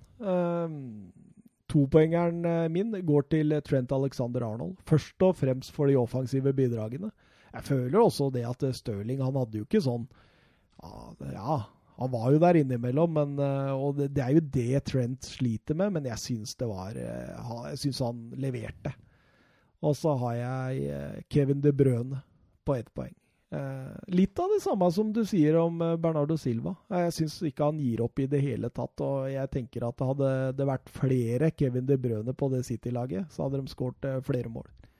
Men, jeg- men jeg merka litt på slutten på De Bruyne, er at når eh, City har muligheten til en overgang, og så gjøres det dårlige valg, så ser du at De Bruyne blir sånn åh, han Han slår ut med alle. ja, Ja. Attituden hans var litt negativ i den perioden. Men det er jo som du sier, han, han tar to sekunder hvor han er forbanna, så begynner han å jobbe igjen. Og jeg syns Bernardo Silva viste eh, ikke den samme holdningen der, men at han hele tiden omstilte seg kjapt og, og var alltid på. da.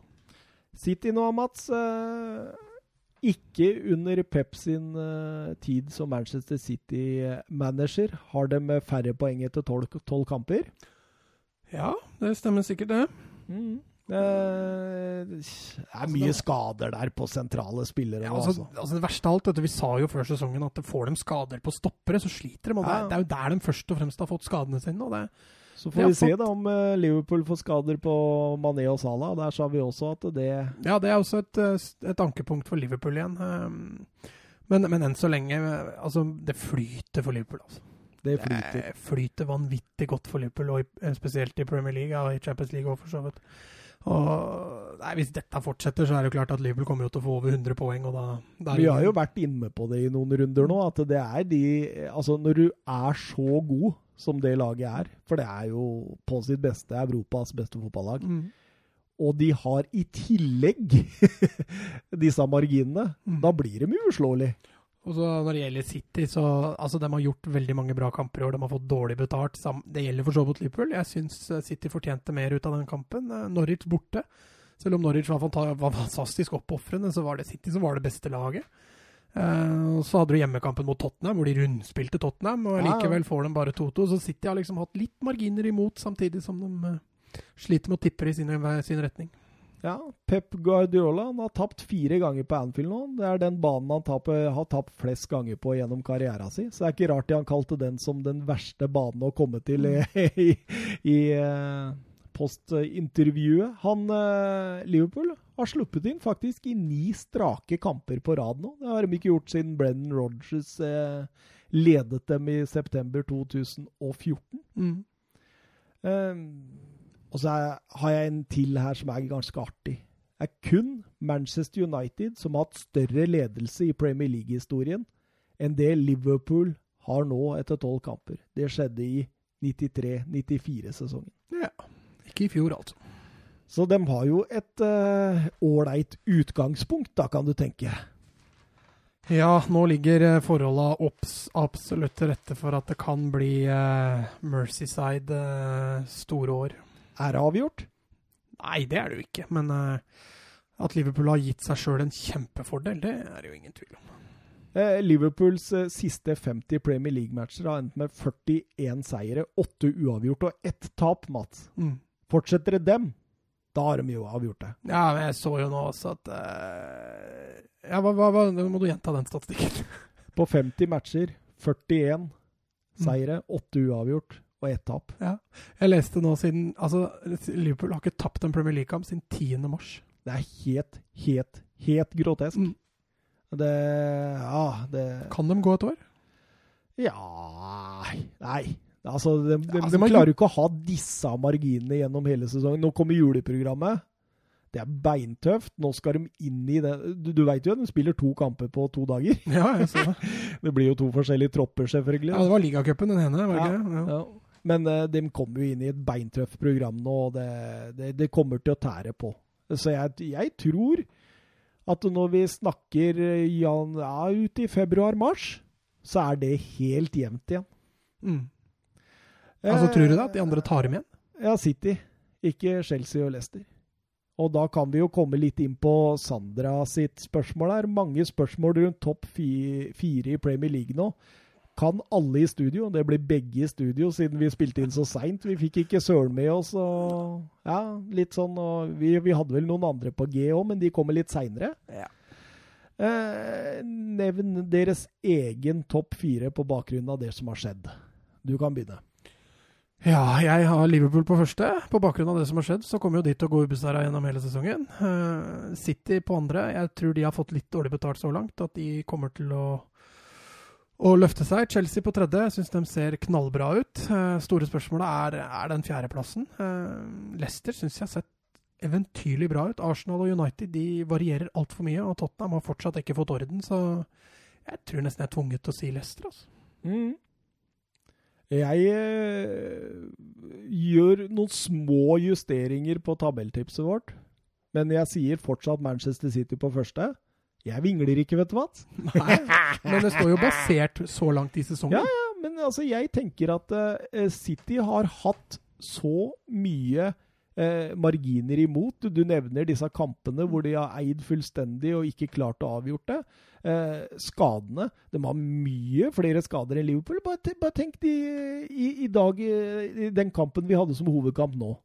Så tar du de skadene City har på Laporte, på Ederson, på Ja, du kan nesten si David Silva òg. Var ikke klar for å spille match. Sané Jeg tror du Sané hadde gått inn. Eh, ja, han hadde i hvert fall eh, kunnet bidra.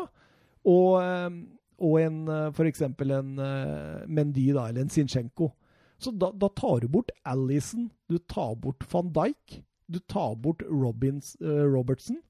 Du tar bort eh, enten Salah eller Mané. Og du tar bort en av indreløperne, la oss si Giri Vidaldum, da. Eh, eh, altså, vi, vi må legge det til, eh, til her, altså. Og det er ikke Altså, en liten formsvikt, så er de oppe i ryggen der. Og nei, jeg, som sagt, jeg fortsatt tror på City. Jeg tror City tar det. Jeg står ved tabelltipset vårt. Jeg står med Liverpool nummer to. Jeg tar som deg Chelsea nummer tre. Og eh, Så da står du ikke ved tabelltipset, da. Nei, men eh, jeg tenker på i forhold til I forhold til hvem som vinner dette her, da. Ja, ja. Eh, og eh, i den fjerdeplassen, der sliter jeg også. Jeg utelukker Manchester United. Jeg utelukker Arsenal. Eh, jeg tror det blir en kamp mellom Leicester og Tottenham, faktisk. Du tror Tottenham kommer tilbake igjen? Ja da, ja, det, dette, dette her kommer tilbake. Ingen problem. Og ingen problem! Nei, nei, nei. Nei, så de kommer tilbake uten problem? Det, se det laget når det skinner, da. I de periodene hvor man er gode. Se Røde Stjernekampen borte i midtuka der. Jo, jo, men Røde Stjerne er jo på nivå De slo Liverpool på samme tidspunkt i fjor. Eh, på samme Jo, banen. men- Ja, ja, nei, Med det samme res- laget. Resultatmessig er jeg enig, men hvis du så de to kampene, så var det jo to vidt forskjellige kamper. Eh, ja. Men eh, det var jo fordi Tottenham var gode også. Det var ikke bare fordi ja, sier, jo ikke, sier jo ikke, Nei, men, men det la meg ha trua nå. ja, ja. Jeg vingler ikke, sier jeg. Du gjør jo det, du har satt Chelsea på tredje, jo. Å, det er eneste vinglinga. Det er fordi jeg lot meg lure til å sette United opp på fjerde, var det vel? Eller noe sånt? Jeg sto ikke bak dere. Jo, det gjorde du det. Du er ju- Vi kom med hvert vårt tabeltips, og United. begge hadde United Skap på fjerde. United. eh, vi durer videre til La Liga, vi, Mats. Ja. Eh, Real Sociedad mot Leganes. Eh, den spiltes eh, fredag. Da var du bortom en eh, tur hos meg og spurte skal du se kampen, eller? Mm, Og jeg bare Nei, jeg hadde huset fullt der. Jeg hadde vel fire eller fem barn, eh, inkludert din sønn, på overnatting, og en hund.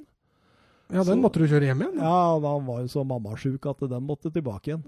Men uh, uh, Så jeg, jeg, jeg har bare sett egentlig uh, highlights. Mm.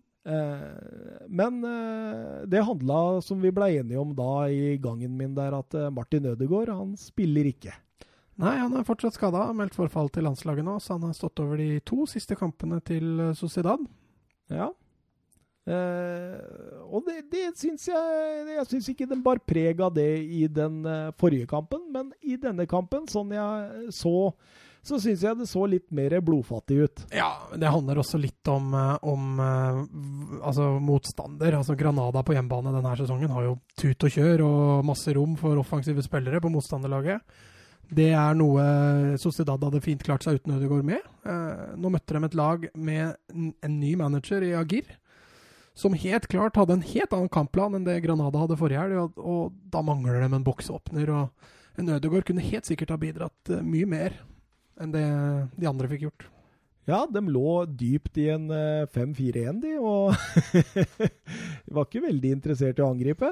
Nei, det blei jo en fryktelig kjedelig kamp, egentlig. Spesielt første omgang. Eh, Sociedad evna ikke, og Leganes gjorde ting eh, både smart og fornuftig. Men jeg tenker på også, når, når du møter sånne lag som det, hvorfor ikke bare benke Portu? Han er Ja, altså- jo totalt avhengig av rom. Ja, altså, altså Men du mangla jo Ødegaard, da, så du måtte jo putte på noen der. Men jeg er helt enig. altså En Isak tror jeg kunne trivdes mye bedre der. Ja. Men jeg tror mye av planen der handler jo om å, å fòre William Osé med innlegg. Eh, og så lenge Leganes stengte rom på kanten, de stengte rom i midten, så falt jo egentlig alle planene til, uh, til Algozil i grus. Og, og Jarzabal inn i midten der, det, det hjalp heller ikke spesielt. altså. Men Mikkel Merino var god som vanlig. Ja, men han, han spiller jo der i en posisjon som passer han. Ja, Og han har blitt, han har blitt en fantastisk spiller. ja. ja. Eh, ble han tatt ut på det spanske landslaget nå, eller? Nei, han ble ikke det. Det er litt rart. Ja, altså, de, men de har, jo, de har jo Busquets i den rollen, og de har Å, uh, oh, herregud. Rodri. Ja, Rodri i den rollen. Og han skal jobbe hardt for å danke ut uh, din, de to der, altså. Ja, absolutt. Uh, header inn 1-0 på hjørnespark der fra Janusai. Nesten eh, 20 minutter ut i annen omgang, og da, da tenker man jo at det, dette klarer de jo, men Roque Mesa han slår et innlegg på uh, en marokkansk 22-åring jeg ikke har hørt så veldig mye om. Uh, Josef N. Nasiri. Ja. Så setter eh, fint eh, inn med hodet der, og da taper Lareal litt terreng. ja, men altså, jeg syns Roque Mesa fantastisk. Eh, Tidligere, tidligere oh. Sevilla og Swansea, ja, husker jeg riktig. Ja, Bartesam, ja. Bartesam.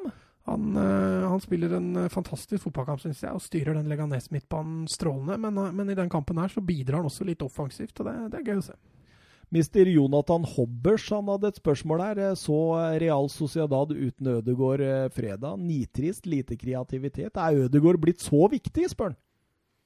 Ja, altså, I de type Ja, i de typer kamper så har han helt rett, tror jeg. Eh, De mangla boksåpneren sin mot lag som ligger så godt organisert defensivt, så trenger du noe spesielt. og Det mangla Sociedad i den kampen, og det kan hende Martin Ødegaard hadde tilført det laget i denne matchen. Vår eh, godeste Jørgen Be Ready, han uh, spør uh, De fire som har inntatt uh, topp fire i La Liga nå, er det de fire som vil være der ut sesongen? Ja, Som unntak av, av at Real Madrid bytter plass med Atletico, så er jo det tabeltipset vårt. Ja. Det er jo det. Sånn at uh, jeg blir ikke overraska om det slutter sånn som dette. Jeg syns eh, Real Madrid ser uh, Altså, de, de har variert litt, riktignok, men på sitt beste så har Real Madrid vært nydelig i år. Atletico Madrid de har Pure class denne gangen. Ja, men de, Real Atletico Madrid på andre sin side har skuffa litt i år. Og, så at dette blir sluttabellen, det, det skal du ikke se bort ifra. Men det er fortsatt superjevnt. Altså fra, fra Valencia på niende, da, så er, det, så er det bare fem poeng opp til Barcelona. Vi kan egentlig også ta med, ta med tiendeplassen på Sassona, så er det, det er seks poeng forskjell. Så det er fortsatt veldig mye som kan forandre seg. Men jeg tror kvaliteten til de fire vi ser der, den, den, den er det ingen av de andre lagene som har. og da så lenge de greier å holde formen oppe, så tror jeg det blir, det blir noe lignende sånn som vi ser det nå. i hvert fall. Ja. Og eh, angående tabelltips og diverse, så er det en annen fotballpodkast som har vår neste kamp, eh, i hvert fall vår neste, det hjemmelaget i vår neste kamp, som nummer fire. Der ligger vi godt an, Mats. Sevilla-Valencia-diskusjonen vi hadde med La Liga Locca, var det vel der i, før eh, sesongen. Eh, eh, Valencia drar jo i gang en eh, grei eh, 2-0-seier der. Ja, de, men de spilte også en, en feiende flott eh, fotballkamp til å være hjemmebane. Det er klart, eh, Granada er Jeg er fortsatt imponert over Granada, men, men den at hvis Valencia Tre strake tap nå. Ja, men hvis Valencia skal fortsette å vinne på hjemmebane, da blir dette knallbra, for de har hatt en OK bortestatistikk i år. Eh, Det er hjemmestatistikken som, som skorter litt, og de fikk jo også en tidlig scoring annullert, og Valencia Nei, jeg syns det her var et steg i riktig retning, selv om det er som du sier, Granada begynner å miste litt form. Ja. Men kanskje han Albert eh, Celades ikke er så gæren, eller? Nei, altså, det er jo som jeg sier, hvis de stabiliserer eh, formen på Mestalla nå, så, så kan fort Valencia være kjapt oppe og blande seg inn i, i topp seks-diskusjonen. Altså. Men det, det varte og rakk før det blei mål her. Eh, måtte nesten et kvarter før slutt, før danske Daniel Wass Ja, kampens store spiller, egentlig. ja, var, eh, var meget bra. Dunka ball i eh, nettaket for, til sitt første La Liga-mål denne sesongen. Og eh, vår lille yndling Ferran Torres eh, satte 2-0. Ja, han tok med seg kula og bare løp, han. Eh, to, to egentlig veldig gode Var, enkeltmannsprestasjoner. var det utspill fra Sildesen? Han var han, eh, Fy får Sildesen assist der? Det tror jeg faktisk. Ja, nå husker jeg ikke det, men det kan godt sikkert stemme. Eh, Men han er bra, altså. Ja, han har et fantastisk driv med kula der. Selv om han ikke dribler noen, så, så løper han jo inn i riktig rom hele veien, som gjør at forsvarerne rygger og holder seg unna. Og avslutningen er jo pur, pur klasse, og det samme kan sies om avslutninga til, til Daniel Voss. Så det mm, er liksom litt underholdende å se på Valencia når de får det til. Tror du Torres holder plassen selv om Guedes og Soler kommer tilbake? Altså, Gueders er jo på venstre, så den, Ja, den er det- grei. Men men- eh, Soler altså Soler i kampform kan det vel hende skyver Torres ut av. Men eh, jeg tror Men du finner alltid plass til en Soler, tenker jeg, i en offensiv rolle eller et eller annet. Ja, ja, det kan godt hende at han uh, omskolerer kanskje en av dem til en litt annen rolle. Uh, men, men Ferran Torres er i ferd med å få sitt uh, gjennombrudd. Ja. Celades etter kampen var utrolig fornøyd og hylla hver enkelt spiller sin prestasjon, så er det tydelig han uh, begynner å se lyset i tunnelen, han der. Mm. Eh, hvis vi durer videre, så durer vi videre til eh, Eibars eh, hjemmemøte mot eh, Real Madrid. Og for en førsteomgang av Eden Hazard. Ja, og han fikk masse skryt også i spanske medier nå. Eh, endelig har han våkna, type overskrifter. En heidundrende førsteomgang. Selv om målet uteblei, så, så var han forskjellen. Altså. Han skaffer vel to straffer, i hvert fall. ja. Han uh, var helt enorm uh, der. eh. Eh, 4-0 borte mot Eibar. Nå har Real Madrid gått fem kamper uten å slippe inn mål. Mm. Det er 533 minutter med fotball pluss overtid siden eh, Mallorcas junior Lago uh, skårte kampens eneste mål på ferieøya for en stund siden. Og det var også tidlig i den kampen. Så. ja, ja, det var, eh, det var sju minutter uti, så vidt jeg husker. Eh, Benzema med sin eh, 156. og 157. La Liga-mål for Real Madrid. Ja, Toppskårer i La Liga, han òg. Ja, Passerte Puskas på lista. Mm. Eh, ja, Sjette mestskårende Real Madrid-spiller gjennom tidene. Mm. Det, det er heftig. Og no, nummer 18 i La Liga leste jeg også. Ja, han har tatt steg der òg. Hvem ligger på topp der, da? I La Liga? Ja. gjennom tidene. Og det er vel en liten argentiner, La Polga? da? Eh, Ja, det er en liten argentiner, ja. Nummer to, da. I La Liga? Ja, Raúl, da, sto- González? Stor portugiser. Å ja, Ronaldo, selvfølgelig. Og så Raúl. Eh, nei, han er helt nede på Skal vi se her om jeg finner her. Eh, fjerdeplass. Helt ned på fjerdeplass. Ja. Ja. Telmo Sarra nummer tre, og Hugo Sanchez før eh, Raúl. Alfredo Di Stefano på sjette, David Villa ned på tolvte, Eto 15. og Adoris, faktisk, Ja, ja, men han har har jo spilt fotball i snart 40 år, da. Altså. Ja, men men, men jeg, jeg vil også skryte, skryte litt av han eh, Fede Valverde. Ja, men det sa jeg før sesongen Ja. òg, at det, det Er dette det Real Madrid egentlig leiter etter på den indre løperen? Det, det, altså det han viste i den kampen her, så utvilsomt ja. Mm. Uh, og så gjorde han nok noe lurt når han valgte bort Marco Llorente til eh, Atletico Madrid og beholdt Fede Valverde. For, Ja, eh, Man trodde nesten det skulle være motsatt. ja, for Llorente har jo nesten ikke fått spille i Atletico, mens Valverde nå for alvor eh, blomstrer i, i Real Madrid. Og leste at han var vel bare den andre uruguayaneren som har skåret mål for eh, Real Madrid. Ja. Hvem var den første? Det husker jeg Jeg ikke. begynte å tenke nå. Nei, men jeg var ikke noe navn som ringte en bjelle, så det er ikke noe Nei. storhet. Da ringer vi bjella, og så fortsetter vi til kamp nå. Eh, Barcelona Celta Vigo, det var grei skruring, eller? Litt Ja, litt, litt i start, starten, eller? startproblemer, Ja. bare. Eh, fikk jo Fikk jo en straffe der tidlig eh, som Messi satte inn, og så, og så fikk Celta Vigo en utligning på et nydelig frispark. Ja. Eh, Det var egentlig en frispark-bonanza av en fotballkamp. ja, det ble sånn hvem var best frisparkrunde. Først prøvde jo Aspas seg, det gikk dårlig. Og så, og så fikk Olasa prøve seg, og den eh, satte han i mål. Og så på overtid av overtiden så fikk Messi prøve seg, og da, da ble det jo mål. Messi og frispark nå for tida, altså. Ja, Oscar Garcia, treneren til Celta Vigo, sa jo det at eh, for Messi så er frispark straffespark. Så det, det sier vel det meste. ja, da, da går det bra tider i møte, tror jeg.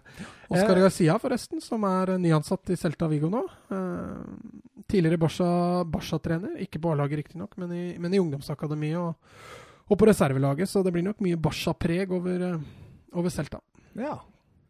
Eh, Messi utligna Ronaldos uh, hat trick-rekord. Ja, 34 hat trick i La Liga nå. Eh, Delt førsteplass med Ronaldo, så det er vel ikke lenge før han stikker av der. Men han har jo også noen flere sesonger, da. Ja, i La Liga så har han jo langt flere kamper enn Ronaldo. Han Har jo spilt lenger, der, var der før Ronaldo, har vært der etter Ronaldo, så det skulle vel bare mangle. Men du, jeg så en, eh, en liten en eh, I og med at de starta med Busquets på benken. Eh, nå kom han jo inn og skårte, da. Var det sitt 12. eller 13. mål for i karrieren. Det er ikke noe, ikke noe målsnik, men, eh, men eh, Barcelona denne sesongen har eh, seks seire, én uavgjort og null tap med Busquets fra start. Mm. Er han så viktig? Ja, Mm. Det vil jeg påstå. Han er, eh, han er stabilisatoren. Nå skal det sies at prestasjonene hans i noen kamper denne sesongen har vært under pari. Men, men, men den evnen han har i forhold til igangsettinger, eh, ballgjenvinning, den, den fasen av spillet, så Selv om han har passert 30 og vel så det, så, så mener jeg fortsatt at han er topp tre i verden i den posisjonen. Altså. Og det, det er først og fremst pga. det offensive. Men han godeste Valverde, sparte han litt spillere, eller?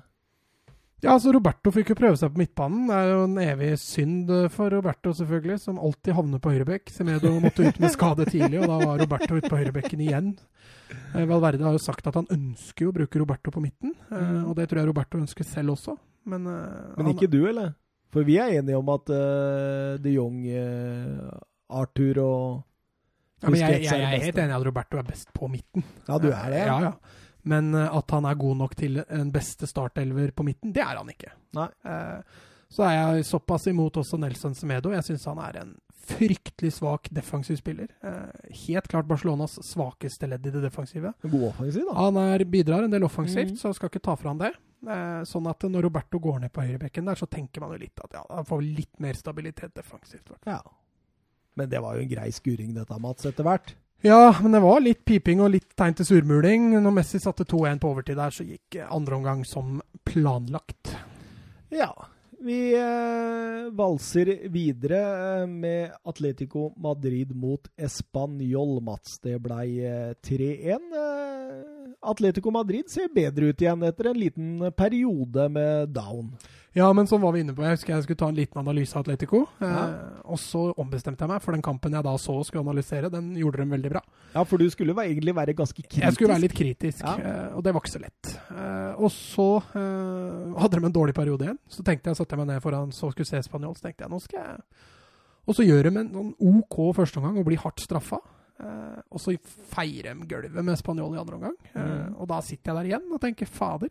Så jeg lurer kanskje på om vi må ta neste kamp, for da veit vi nå at nå går det nedover igjen. Da kan du fortelle hva, det, hva som gjør at det går dårlig for Atletico når det går dårlig. Ja, det er mye enklere. Ja, eh, absolutt. Eh, Sergi Darder eh, satte jo 0-1 eh, der, men de kom tilbake. Angel Korea, som har jo egentlig vært veldig god i Felix sitt eh, fravær. Ja, og nå har han Altså, nå har han, han har Formtoppen hans bare fortsetter å stige, og dette Altså, når Felix nå kanskje er tilbake etter landslagspausen, så, så skal han jaggu jobbe, altså. Mm. For eh, Korea har vært såpass god, Ja, absolutt. spesielt i de siste kampene.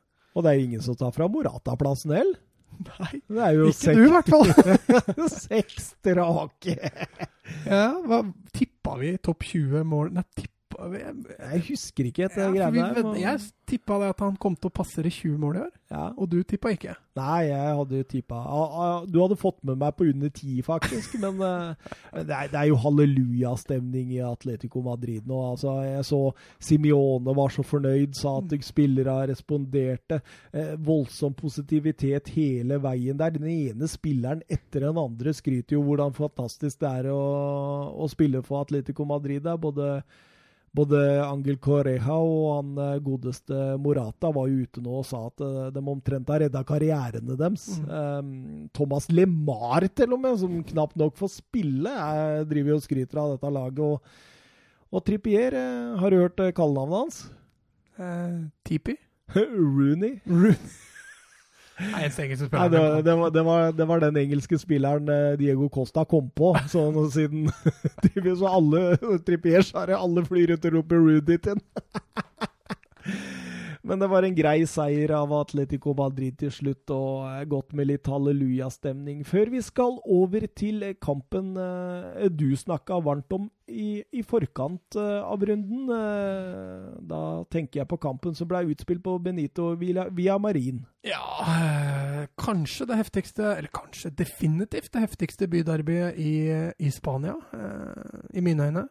Det trøkket og den spenningen og den og det elevene som var i, før og etter kampen der, det, det finner du ikke i så veldig mange kamper. Kanskje i de største klassikokampene finner, du- finner du tilsvarende eller større engasjement enn det du finner i de kampene. Så det er, eh, det er utrolig artig å se sånne matcher. Altså. Leste du tweeten til Kasper Wikestad? Jeg flirer, altså. Nei. Han fortalte om Frode Olsen, da han var keeper i, i Sevilla. Eh, prøve å, å fortelle litt sånn Jeg syns han var veldig bra. Fordi det sier litt om hatgreia her, da.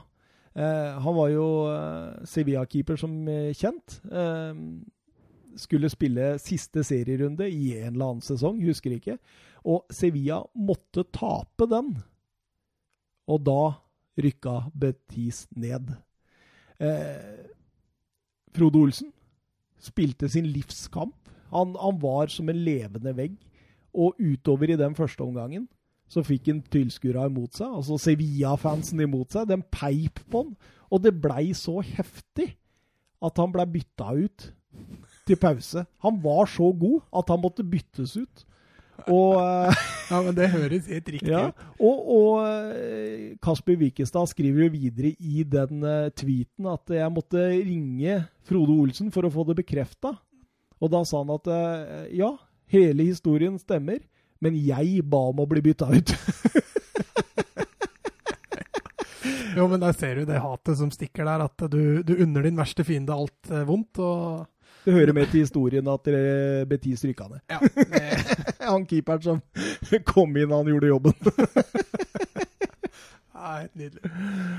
Uh, ja eh, Sevilla har lite overtak på de seks, nei, ti siste kampene på Via Marin. Så har de tre seire. Betis har én. Det betyr at seks er en uavgjort. Mm. Men det er ofte sånn i de kampene. Jeg var kjapt ute og tippa U på oddsen på den matchen. Uh, fikk ikke helt i mål der, men, uh, men dette Betis-laget ser uh, Nei, jeg tror dette Ruby-prosjektet snart er ved veis ende. Ja, det tror jeg også. Han stilte opp med samme lag som spilte 0-0 mot Real Madrid, da, med tre stoppere og Batra som anker. Eh, safety first-prinsippet der, altså? Ja, men han går over tilbake igjen til Kikki formasjonen Mm. Eh, Det var jo slik Kikki spilte. Eh, Riktignok ikke med Bartra sentralt, eh, men med William Carvalho ute, så, så, er kanskje Bartra det beste alternativet. Men, men, det mangler så mye offensivt i dette Betis-laget at ja, Fikira, jeg syns ikke han er Nei, han har vært svak denne sesongen. Han har hatt noen bra kamper, men, eh, men han bidrar altfor lite. Han brenner to store sjanser i den kampen. Mm. Men det gjør ikke jo Campos. Han uh, fortsetter å putte. Ja, han har vokst på oss, eller i hvert fall på meg. Jeg syns han er Jeg fikk jo ikke sett så mye av han i Marseille, men det han har vist spesielt kanskje de fem-seks siste kampene i Sevilla, har vært helt nydelig. altså. Ja, Lucas og Campos han eh, setter 1-0 der på et eh, ja, skudd som går via en eller annen uh, Betis-stopper. Ja, det er et dårlig forsvarsspill her først av Betis. Det går et lang poler inn i feltet som, som Betis-forsvaret header rett ut i beina til Campos, som står, står på 16-meteren der istedenfor å heade den vekk fra farlig område. For er det vel egentlig Ocampos en god avslutningsmulighet? Men rett før pause går Benito Vea Marin totalt amok. Ja, det eksploderte faktisk. Ja, det... Eh, da skurra det i PC-en min, for det høyttalerne der det tålte ikke den lyd. Eh, men, Tenk å ha vært der, da. Ja, jeg tror det, det er ganske heftig. Loren Moron, som skårte sitt åttende mål på tolv kamper. Ja, han har jo vært altså De kjøpte jo Borja Inglesias for å, for å få en spiss som skårer mål, og så har det vist seg at de har hatt en i rekkene sine hele tida. Deilig en, eh, en egenprodusert uh, spiller. og han, han, er en kriger. Han er ikke noen sånn feinschmecker-type, men, eh, men uh, når han da i tillegg har vist seg å være en målskårer, så, så, er det jo helt konge. Med bra back-to-back-spill i forkant der. Ja, absolutt. absolutt. og Emerson så jo tidvis meget solid ut. Ble jo først kjøpt av Barcelona, uh, for så leid ut til Betis. Og nå har jo Betis henta han permanent, og det mm. kan vise seg å bli en meget god avtale for Betis. Men den som avgjør denne kampen, det er han vi har harselert en del med. Ja, skårte jo sist han starta. Så fikk han to kamper på benken, og nå var han inne i startelveren igjen. Og da, da ble det skåring. Drusa ballen i mål på to touch. Ja, fin gjennombruddspasning av Banega ah, der. Eh, åpner opp hele Hele Betis-forsvaret er vel egentlig den Den spilleren som vi snakka om som mangla i eh, Å, uh, herregud. Jeg fulgte ikke helt med, jeg må få være helt ærlig. Men, Men Banega i hvert fall. Nydelig gjennombrudd til, til uh, Luke de Jong, som vender opp klinkeren i mål. Og, og etter det så syns jeg Sevilla kontrollerer bra. Altså. Mm. Men uh, det er klart. Ja, det var det jeg skulle fram til nå. At det er det taktisk uh, rett og slett en genistrek, det Lopetegi gjør der med bytter og alt. Jeg syns mm, han ja. stenger av kampen helt. Ja. Og Betis mangler også den det foran der som vi snakka om tidligere, offensivt, syns jeg Betis ser eh, fryktelig planløs ut. Altså. Mm. Og det, nei, dette Ruby-prosjektet må, må, ta en slutt, hvis Betis skal eh, ha mål om å komme litt høyere, i hvert fall. Tror du Kiki Sett igjen blir eh, bedt på sine knær om å komme tilbake? Han blir nok ikke bedt på sine knær, tror jeg. Det, det tviler jeg på. Men, men, at kanskje han er med i en, en vurdering der, det kan, kan godt hende. Så vi ser da hvor mye stolthet Sett igjen har der. Uff. Skal vi gå over til eh, Bundesligaen? Der Gråse? Der Gråse Bundesliga. Og vi hopper rett i det, vi, med Hertha Berlin, som uh, tok imot eh, RB Leipzig. Og RB Leipzig vant den kampen 2-4. Ehm, som jeg snakka om i forrige podkast, episode, Mats, at når de etter at Nagelsmann har sentrert, altså komprimentert den midtbanen litt mer, så har det gått på skinner her. Nå har de skåret 20 mål på de siste fire kampene. Ja, og de har også da, naturlig nok fire strake seire nå. Det, det, ja. det er synd for Leipzig at de fikk den lille downsen i, ja. i, i form. For Hvis ikke så kunne Leipzig nå altså leda med 6-7 poeng ja, de Kunne faktisk det.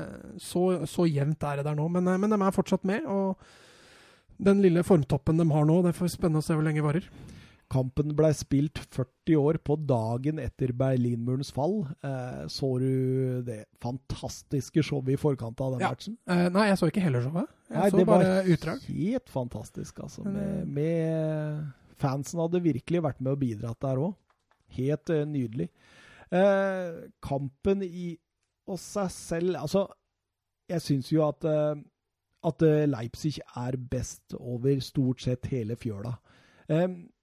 Men eh, de kommer under, og, og Hertha Berlin er jo et kontringslag. De er best på overganger. Så, så eh, så Nagelsmann var ute og sa det at det er ikke ideelt å komme under mot, mot Hertha Berlin på bortebane, for da kan du bli kontra i stykker. Mm. Men når Werner setter 1-1 på straffe der, og Sabitzer, som har jo egentlig vært helt strålende de siste fire-fem kampene nå Ja, men jeg syns han har vært god hele sesongen nå, jeg. Ja, jeg syns han er bra, han østerrikeren der. Eh, ser ut som en eh, punkrocker, holdt jeg på å si, men han eh, fantastisk bra. Og når de får de to da rett før pause, så, så, så er Le Leipzig har så mye kvalitet at dette Mm. ror dem i land. Ja, du satt ikke i andre omgang der og følte at dette var, eh, var noe stor risiko. Eh, Men det er klart, når du leder bare med ett mål, og du møter et eh, Jeg kan jo si at Hertha er et bra fotballag, så, så kan du ikke føle deg for trygg. Men det tok altså over 80 minutter før de avgjorde matchen. Ja, Timo Werner har vært innblanda på de siste 19 Bundesliga-kampene i 23 mål. Altså 18 mål og 5 assist. Det er mer enn noen annen i Bundesliga. Mm. Så sa vel tidligere også at han nå er rykta til United. Så Ja, ja, det syns jo jeg var hysterisk morsomt. ja, Eh, rundens storoppgjør. Bayern München mot Borussia Dortmund. Jeg, jeg satte meg ned. Jeg skulle kose meg. Jeg trodde det skulle bli en nerve og en spenning, og jeg gleda meg voldsomt til dette. Så at eh, Sancho var tilbake, at de hadde dobla av høyresida med Hakimi og Sancho. Sancho tenkte at dette Nå skal de i strupen. Og så blir de slukt, tygd, fordøyd og kasta opp og sendt hjem til Dortmund i skam for det der. der. Det var en maktdemonstrasjon av Bayern München. ja. Og nå er Bayern litt tilbake til der de var innledningen av sesongen. Hvor jeg syns den var strålende. Eh, formen har dalt veldig. Nå var de, eh, de var kanonbra. Første omgang dominerer de banespillet. Andre omgang kontrer de Dortmund til senk. Ja, absolutt. Eh, Hansi Flick som har Han er vel caretaker inntil videre. Han, Ja, da blir det treårskontrakt, da. Ja, hvis det fortsetter sånn som i den kampen her. Nå, nå var jo du litt inne på før vi gikk på lufta her at eh, det var ikke voldsomt bra mot Olympiakos i midtuka.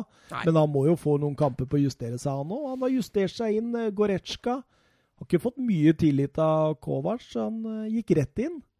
Eh, Müller. ja, Müller, ja. Coutinho ut på benken. Åh, skal det være ned, nedturen til Coutinho igjen, eller tror du vi får Han får nok spilletid?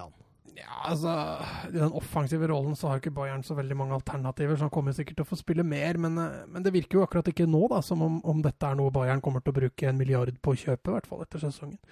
Um, ellers så var den store snakkisen at han bytter ut Sancho etter et halvtime spilt der. da.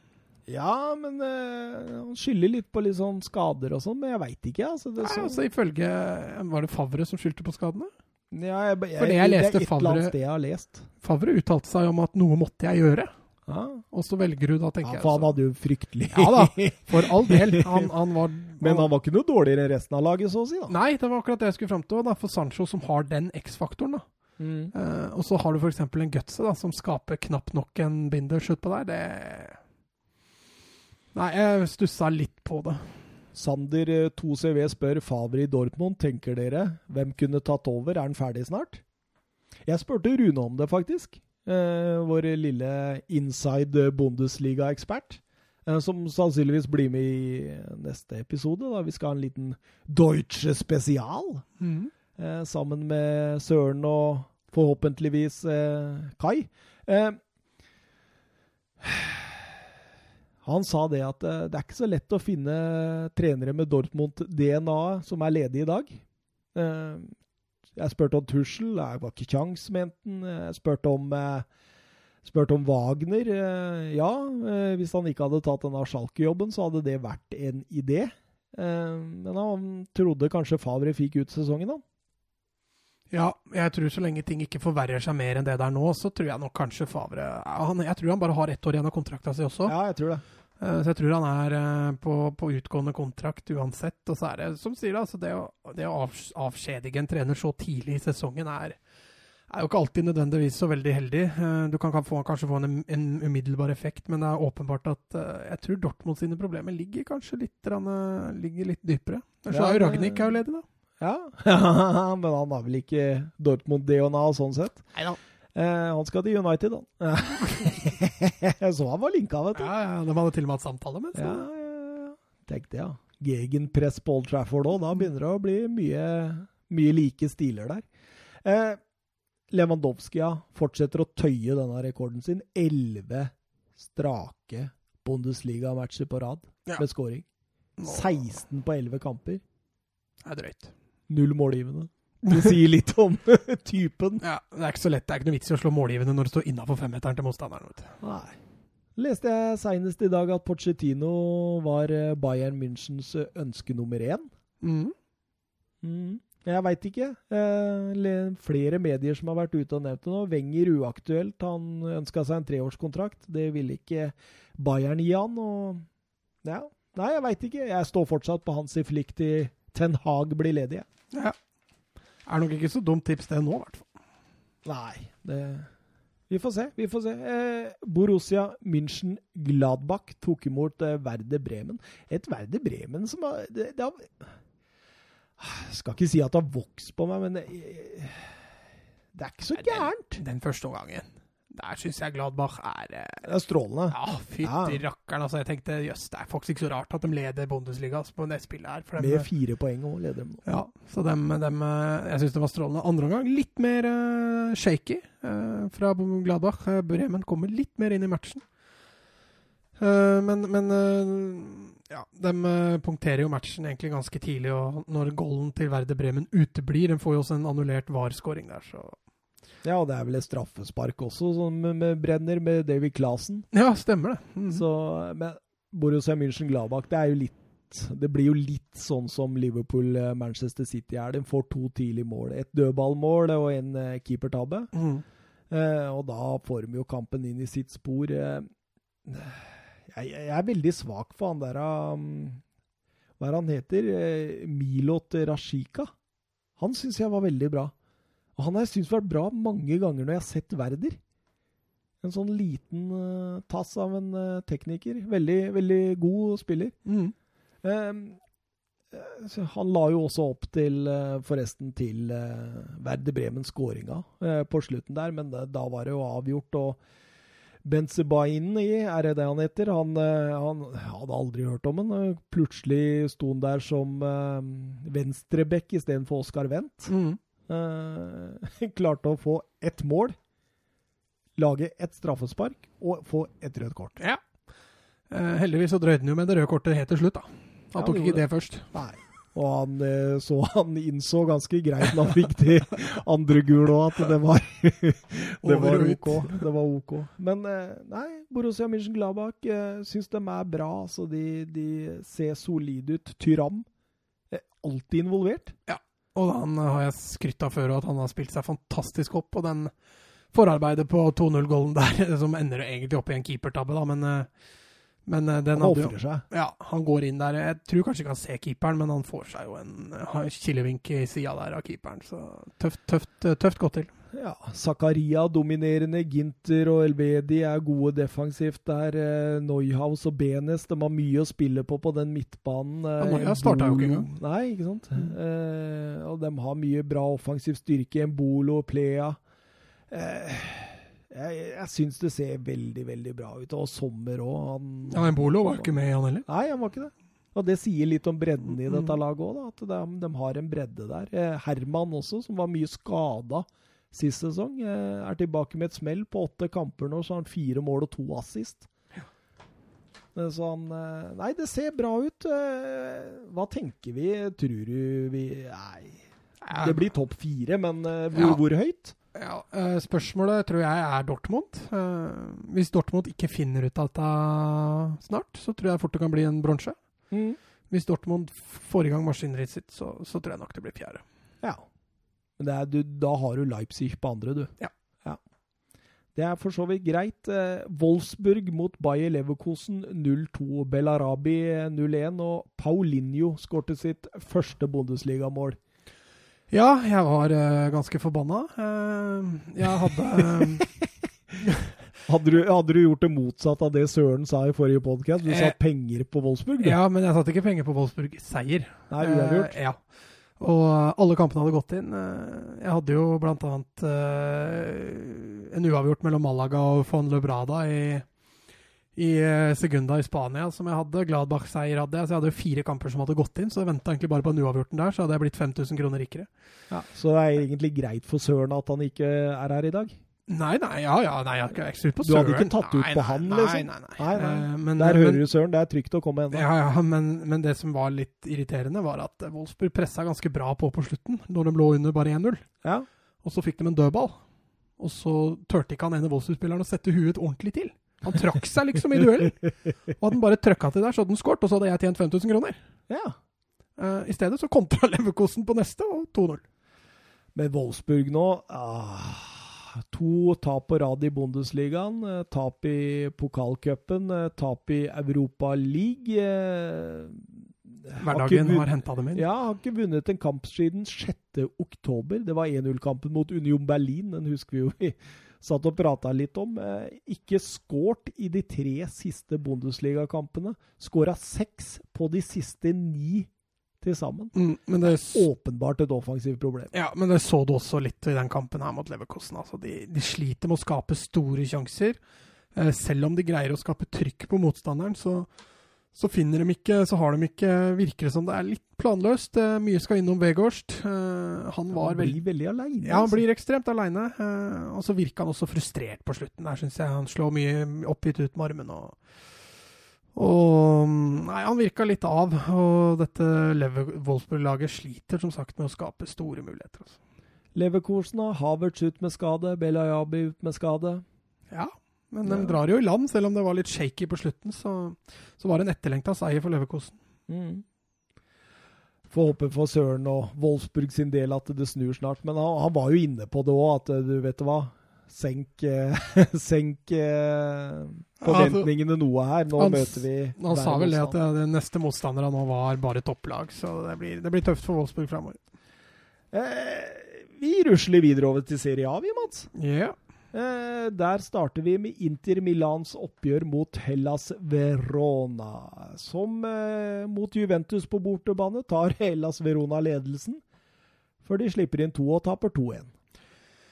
Ja, eh, de, de skårer på en straffe der tidlig, Verona. Eh, Og igjen så syns jeg Inter bruker litt tid på å komme i gang. Ja. Eh, Jeg syns de er slow starter, og det har de vært i noen kamper.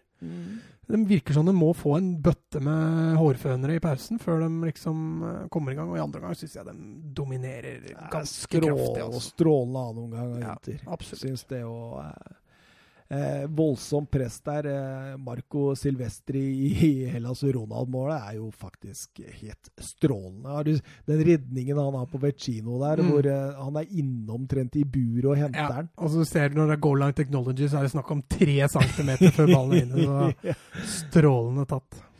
Eh, Nicolo Barella. Ja. Å, for en prestasjon, ass! Å, så, ah, hadde vi hatt studio her, skulle vi lagt på litt musikk nå, men i det 82. minutt Og det hadde vært Titanic-team, tror jeg. Mm, ja. Da gikk det gikk nedom for Hellas Verona. For etter 82 minutter og 12 sekunder Hele Verona ligger dypt. Fem mann i bakre. Én i mellomrommet, og én skal opp i press på eh, Barello. Får ballen fra De Frey ut på venstre. Går rett på, drar seg innover og fyrer løs. Rett opp i krysset. Ja, men det er sånn deilig køl på ballen, Åh. som vender seg rundt, og så helt opp i vinkelen. Ah, det er så sånn er liksom, du ser liksom at den treffer nettveggen, og ikke nett, eh, altså nett, sideveggen på nettet. da. ja, Og da veit du at da, da er det, da er det godt Klasse. opp i krysset. Altså. Klasse. Vi har skrytt mye av Barella i denne podkasten. De har vært litt slow starter inntil, Ja. men eh, de siste matchene nå har han vært eh, fantastisk. altså. Han, og nå venter fortsatt litt på at Sensi skal komme tilbake igjen, og da er det Ja, viktig at Barella tar tak. Å, altså. ja. Og Barella, han er, han er fantastisk. Altså. men men veit du hvor mange avslutninger Inter hadde i den matchen? Nei. 38. Det sier litt om den andre omgangen, for de fleste kom der. Ja, ja, det var helt fantastisk. Og Lukaku brenner jo noen Ja, ja. gigantiske Ser du den der han har igjennom, gjennom aleine, eller? Og header. Ja. Ja. Oh. Men den andre som han står på bakerste og rekker ikke å reagere. Så ballen går jo mellom beina på han. Og Mm. han bare prøver å lukke knærne, akkurat det hadde hjelpa. Banens beste, Lautiro Martinez. Nok en gang. Ja, han har jo vært en drøm, altså. Fantastisk spiller. Eh, Inter Milan eh, har skåret i samtlige tolv Serie A-matcher så langt. Eh, det er andre gang i historien det skjer. Sist var i, i 97-98 under Luigi Simoni. Så det er, eh, det er en stund siden. Mm. Men det ser bra ut òg nå. Ja. Eh, videre drar vi til eh, Napoli-Genoa. Eh, Genoa som eh, har hatt sine problemer i denne sesongen. Eh, 26 baklengsmål, og Tiago Motta måtte løsrive seg fra Paris Saint-Germain U19-rollen sin for å ta over Genoa. Ja, og det har han gjort egentlig ganske bra. Starta med seier, og så har det vel blitt en uavgjort og tap. Og nå var det en uavgjort, sterk uavgjort igjen, borte mot eh, Napoli. Eh, Et Napoli som har sine utfordringer nå. ja, og det var også grunnen til at jeg tippa U. Det var den ene kampen jeg nevnte som, som jeg hadde U på, eh, som gikk inn. Og grunnen til at jeg tippa U, var fordi at eh, Genoa syns jeg har vært eh, på vei framover, mens Napoli er på vei bakover. Og ja, du ser det jo også litt i den matchen her. Vi kan jo ta et eh, spørsmål fra eh, Vebjørn Fredheim. Hei, gutta. Fint, at dere, fint om dere snakker litt om kaoset i Napoli. Oppfører spillere av seg som drittunger? Eller er denne filmprodusenten på tynn is, og tror dere Angelotti må gå? Eh, skal, eh, skal vi fortelle litt om hva som skjer, kanskje? Ja, det er vel den festen da, som han inviterte til.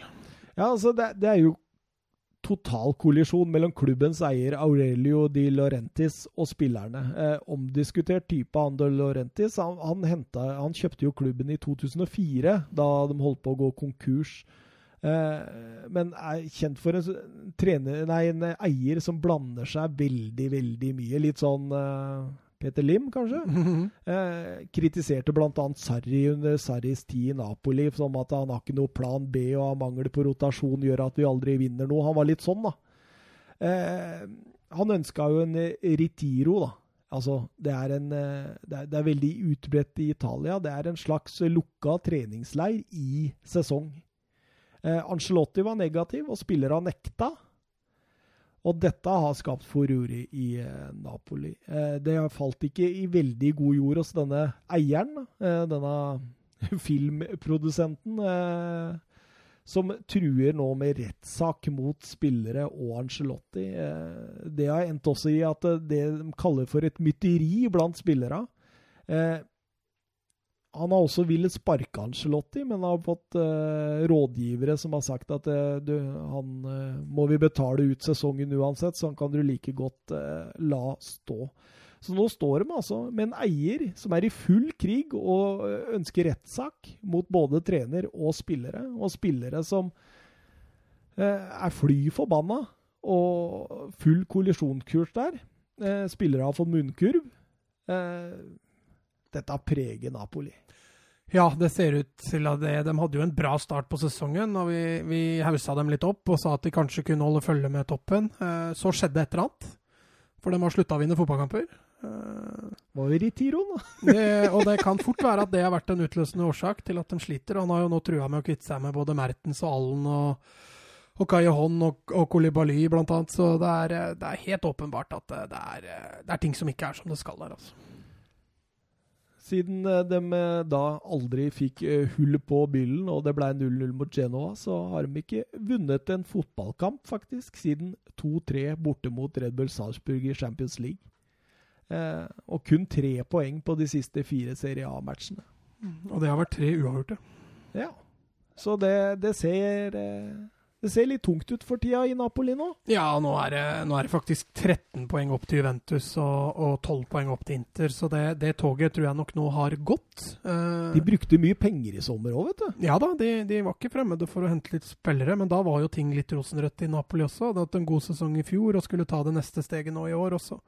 Og så skjer dette, så det er, det er, det er selvfølgelig fryktelig kjedelig. Og nå ligger jo faktisk Napoli utafor uh, europaspill neste år, så de må, bør jo finne en løsning for dette her og sette klubben først. Helt klart, helt klart. Eh, videre til Parma mot Roma. En liten eh, bombe der, eller? Ja. Eh, eller det, var det det?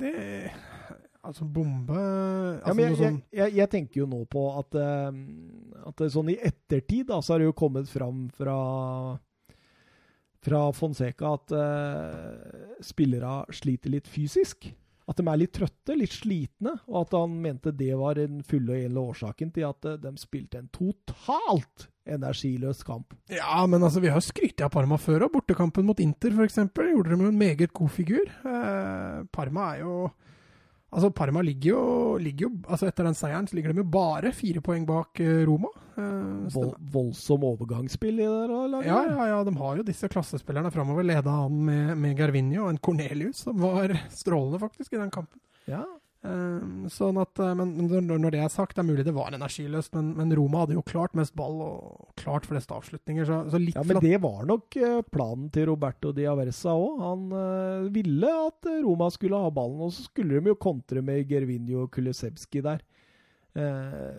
kan jo si han lykkes. Gervinho Deilig, ass. ja, men han var bra. Ja, han var veldig bra. Eh, dere så jo ikke dette, men Mats eh, pekte nå på uh, ukens talent, hvor han tidligere har hatt uh, Dejan Kulesevskij. Og han, han, er et hurtigtog ut av en annen verden. Han er Atalanta-eie, så det, det tror jeg kan bli knallbra etter hvert. Ja, absolutt. absolutt. Eh, men det, det, jeg skulle fram til, da, var jo det at uh, Gervinho måtte jo ut i pausa, og Sprocati, uh, Mathias Sprocati uh, kom inn og skårte. Jeg tror det er den spilleren i Serie A som har mest mål etter å ha kommet inn fra benken. Ny Solskjær? Ja. Ja, Kanskje en ny uh, Solskjær. Kanskje han tar over managerjobben i Parma etter hvert. eh, Andreas Cornelius, som du var inne på, kontra inn 2-0 helt på slutten og sendte Roma hjem med null poeng. Cornelius hadde forresten muligheter til å gjøre hat trick, han. Ja da, han hadde flere gode muligheter, men det er litt, det er litt sånn jeg, altså, Når jeg mener han hadde en god kamp, så var han mye involvert, da. Eh, mm. selvfølgelig burde han hatt et mål til, i hvert fall. Så. Og når jeg satt og så denne kampen, Mats, så tenkte jeg Andreas Cornelius. Han har hatt tre norske trenere, han. Kan du komme på det? Ja, Ståle Solbakken i hvert fall.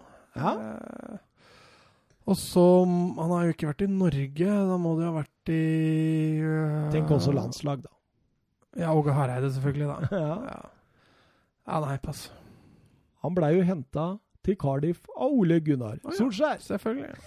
I 2013-2014-sesongen. Eh, vår siste kamp for kvelden, før nå har klokka blitt halv to, så det er kanskje på tide. Juventus-Milan. Det var ålreit avslutning på kvelden, det. Ja. Pablo Dybala. Men det alle Hva sa du for noe nå? Pablo Dybala. Ja. Syns du sa Pablo. Ja, det, det kan godt hende jeg sa. Klokka er som sagt halv to.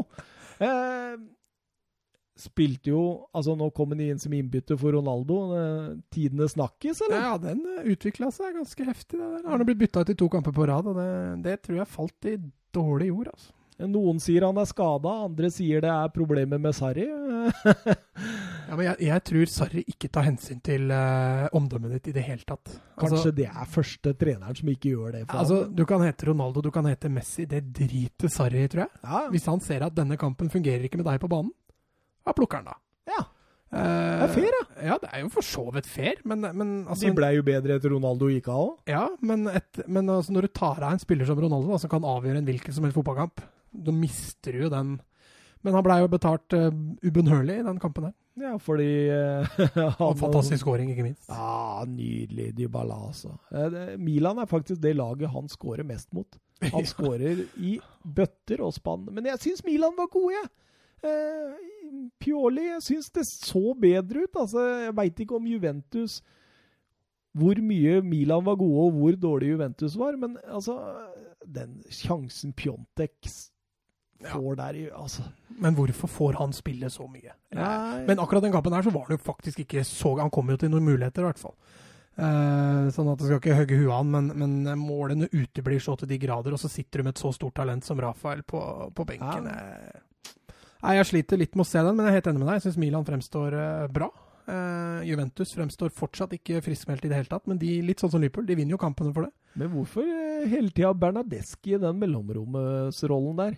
Nei, jeg veit ikke. Han har vel et eller annet jo ikke i det hele tatt! Han har vel noen nakenbilder av Sarri eller et eller Ja. annet som han, han bruker Med sneipen i kjeften! Med sneipen i kjeften og ja. Ja, Sarri står beinhardt på den eh, 4-3-1-2 eh, med Bernadeschi der. eh, litt sånn statisk midtbane og Indreløpere tenker jeg først og fremst på. da. Dem, altså, jeg, jeg, jeg.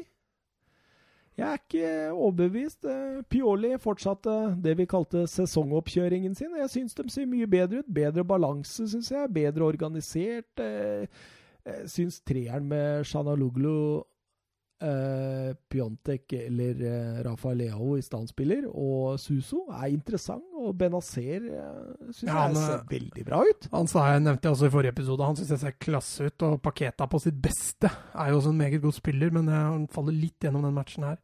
Eh, Theo Hernandez også fortsetter jo bra Mm. spill. altså. Men hva tenker vi om Ronaldo nå, hvis, hvis det er, hvis det er eh, krise med Sarri nå? Altså Problemet der med, som Sarri kommer til å få, er jo han får jo fansens vrede, og antageligvis eh, styrets vrede, hvis vi kan si det sånn. Eh, Så jeg tror ikke det bare bare er å kutte det mm, eh, navlestrengen der. Altså. Jeg tror ikke de får Så han, den, den floka bør de prøve å få til å løse. Ja. Hvis det er en flok i det hele tatt, da. Det Hvis kan godt en hende det er en skade, som Mm. Sarri påstår. Kan godt hende. Eh, Sarri har nå eh, vunnet 13 av 16 første i Juventus. Han. Det er en god åpning. Ja, altså Resultatmessig så har vi jo snakka om det, det er fantastisk. Eh, men de vinner stort sett kampene sine med ett mål, og det er ofte også uten å overbevise. Så hvis dette løsner skulle finne på å løsne, så, så blir jo dette klasse. Da, da blir det ikke Inter, da blir det Juventus. Det er jeg helt enig i, hvis det løsner. hvis det ikke har løsna allerede med 13 seire på 16 kamper. Men, eh, men vet du hva? Det har bare skjedd en gang i historien det, at det kommer inn en Juventus-trener og tar Altså han har tatt mer poeng da enn Sarri. Og det er eh, Jesse Carver. Han var trener for Juventus i 1940 1949. Ja. 1950-sesongen. Og han tok én seier mer, altså 14 seire, på de 16 første. ja. Men eh, så langt tilbake skal vi før en eh, trener har hatt en bedre resultatmessig uttelling. Da. Ja, men resultatmessig så har vi jo veldig lite å utsette Juventus på. Ja. Skal vi kjøre ukas talent eh, før vi tar skikkelig natta? Ja. Eh, som jeg sa til deg før sendinga, så glemte jo jeg PC-en min. Så den, jeg sitter nå og leser fra telefonen. Eh, Ja. Så jeg har liksom ikke helt eh, så god oversikt her. Nei, nei. Men jeg har fortsatt valgt å holde meg til eh, U17-VM. Ja. Eh, jeg, jeg har fått med meg noen kamper der, og Som vanlig. som vanlig. Eh, og den spilleren som kanskje har imponert meg aller mest gjennom hele mesterskapet, er eh, Mer enn han godeste Jo, men- men- Pe Peglov òg. Men Peglov imponerte meg i den kampen rett før vi skulle på sending. Ja. Altså, det var ganske varmt. Mens Robert Navarro, en spanjol, Måtte jo være det. han, eh, han har egentlig imponert meg i de aller fleste kampene. Bortsett fra forrige kamp, hvor de røyk 6-1 mot Frankrike og er ferdig. Spiller han Barca, eller? Nei, men Oi. han er fra Barca. Ja, ja. Han starta karrieren sin i, i Barcelona, eh, før han blei henta av, eh, av Monaco i, før 18-19-sesongen. Var Ja, ok. der kun én sesong, og så valgte Sociedad å bruke 6 millioner euro på å kjøpe han til eh, sitt juniorlag. Eller Juvenil A, da, som det heter i, heter i Spania. Eh, spilt mesteparten av eh, Eller har allerede rukket å få fire kamper for B-laget til Sociedad denne sesongen. ja. Eh, ikke fått noen målpoeng ennå. Han spiller offensiv midtbane. Eh, kan kanskje sammenlignes litt med, med en, med en Iniesta-type. Eh, kanskje litt mer kreativ framfor det drivet som Iniesta hadde. Eh, Spiller som sagt for det spanske U17-landslaget i øyeblikket. Han er født 12.4.2002. Det gjør han til bare 17 år gammel, og spiller til daglig da under Shabi Alonso i B-laget. Til, eh, til Sociedad, så han kommer til å få, eh, få, en, eh, få en bra forbilde å forholde seg til der, og har på U17-landslaget spilt 13 kamper og skåra tre mål. Jeg har ikke assist, men jeg veit at så langt i U17-EM eh, så har han notert seg for fire assist. Deilig. Så han, eh, han er absolutt en spiller eh, ganske sikker på at han kommer til å slå gjennom på et OK nivå Mm. på det dårligste. Det er fan- Fantastisk. Helt nydelig. Nok en spiller å se opp for der, altså. Vi fører den opp på lista vår før vi tar det neste. Det er også min ukens talent, og han heter Faustinho Ayorin. Han, eh, eller Tino Ajorin, om du vil. Oppkalt etter Faustino Asprila. Ja, Mm. ikke hvilken som helst det. Nei, nei, nei. Og i Er han fra Colombia, eller? Eh, Nei, han er født i Dorset i England. Det er en Og fra ja. Newcastle-supportere, altså. Ja, det er en uh, Dorset. Det ligger Det er en kystby rett ved Bournemouth. Ja. Mm. Det kan være Eh, Newcastle-supporter rundt bordet. Ja, det, det kan godt hende foreldra var det. Det er vanskelig å si. Født eh, 23.11.2001, så han eh, blir 18 om 11 dager. Eh, posisjon offensiv midtbane, eh, eller i tierrollen. Eh, klubb i disse tider, vet du. Chelsea. Han eh, fikk faktisk debuten sin under Frank Lampard i Carabao Cup i 7-1-seieren mot Grimsby. Da kom han inn eh, for Pedro eh, 20 minutter før slutt. Og dette er en av de eh, Frank Lampard har aller, aller mest trua på fra akademiet nå. Han eh, har kontrakt fram til juni 2021, men det sies at det allerede forhandles om ny kontrakt på han. Han kom til Chelsea for ti år siden. Han var en del av det de kalte Under Seven Development, Development Program. Eh, så tidlig kan du hente dem der, altså. Eh, har hele tiden vært en spiller de har satsa tungt på. Bemerka seg på aldersbestemte landslag og representert England flere ganger eh, opp gjennom tida, både på U15, 16, 17, hele veien. Eh, ekstrem powerful box-to-box-spiller. Eh, ekstremt godt driv. Eh, god eh, duellkraft. Eh, fint blikk. Og veldig målfarlig. Han har fulgt, altså bare noen år etter, da, så har han fulgt hele veien Ruben Loftus-Schiek, som også er hans store, store idol. Han har sikkert spilt på akademiet sammen da han var liten, da, vet du. Tatt litt ekstra hånd om det nå, etter hva jeg forsto. Eh, litt også samme typen spiller som Ruben Loftus-Cheek, så det blir, det blir veldig spennende å følge Ann Jorin der, altså. Det blir gøy. Engelsk, eller? Ja. Nok et eh, engelsk talent. Det begynte også jeg, jeg, jeg tenkte jo på det her, vet du, når, eh, når vi kikka gjennom her. Så tenkte jeg jo det at fanken, jeg, jeg søker jo alltid andre steder enn der jeg følger mest med. Så nå har jeg begynt liksom å leite litt i det engelske landskapet. da, og Det er, det er voldsomt med talenter der òg. De eh, har Jeg tror ikke vi skal være redde for å gå tomme for talenter. Nei, altså. det tror jeg ikke. altså. Jeg tror vi kommer til å fylle det ar- Vi kommer til å ha en hel vegg med talenter her, og da må vi jo treffe. Ja. Må jo treffe én. Nei, vet du hva, jeg tror ikke vi skal kjøre dette noe lenger. Klokka er fem over halv to på natta. Det tar i hvert fall et kvarter før denne ligger ute på eh, iTunes, eh, Spotify videre. Eh, Mm. Neste episode? Ja, den uh, kan vi anbefale. Vi har vel nesten allerede satt datoen. Uh, tirsdag 19. november. Mm.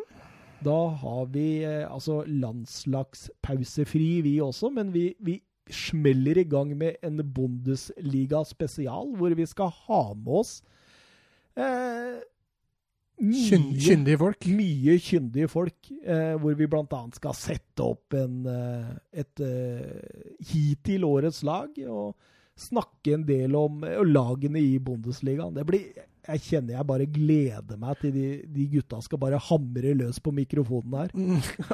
Jeg tror det blir mye kule diskusjoner. Eh, Ja, det blir veldig kult. Så jeg, jeg gleder meg voldsomt. Jeg snakka så vidt med han ene av de som kommer her. Han uh, sa det at de skulle begynne med pils klokka fire, så det Det måtte bli tysk pils.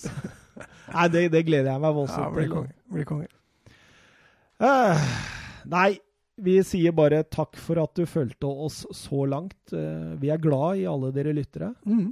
Eh, spre gjerne ord om oss også, sånn at det vokser enda mer. Det hadde vært gøy. Kult. Sånn at vi kanskje kan eh, etter hvert få inn noen kroner på dette, sånn at vi kan utvikle oss. Det hadde vært ålreit. Det har vært kjempemoro. Mm. Så eh, gjerne spre ordet til alle fotballfolk der ute. Peace and love. God natt. God natt.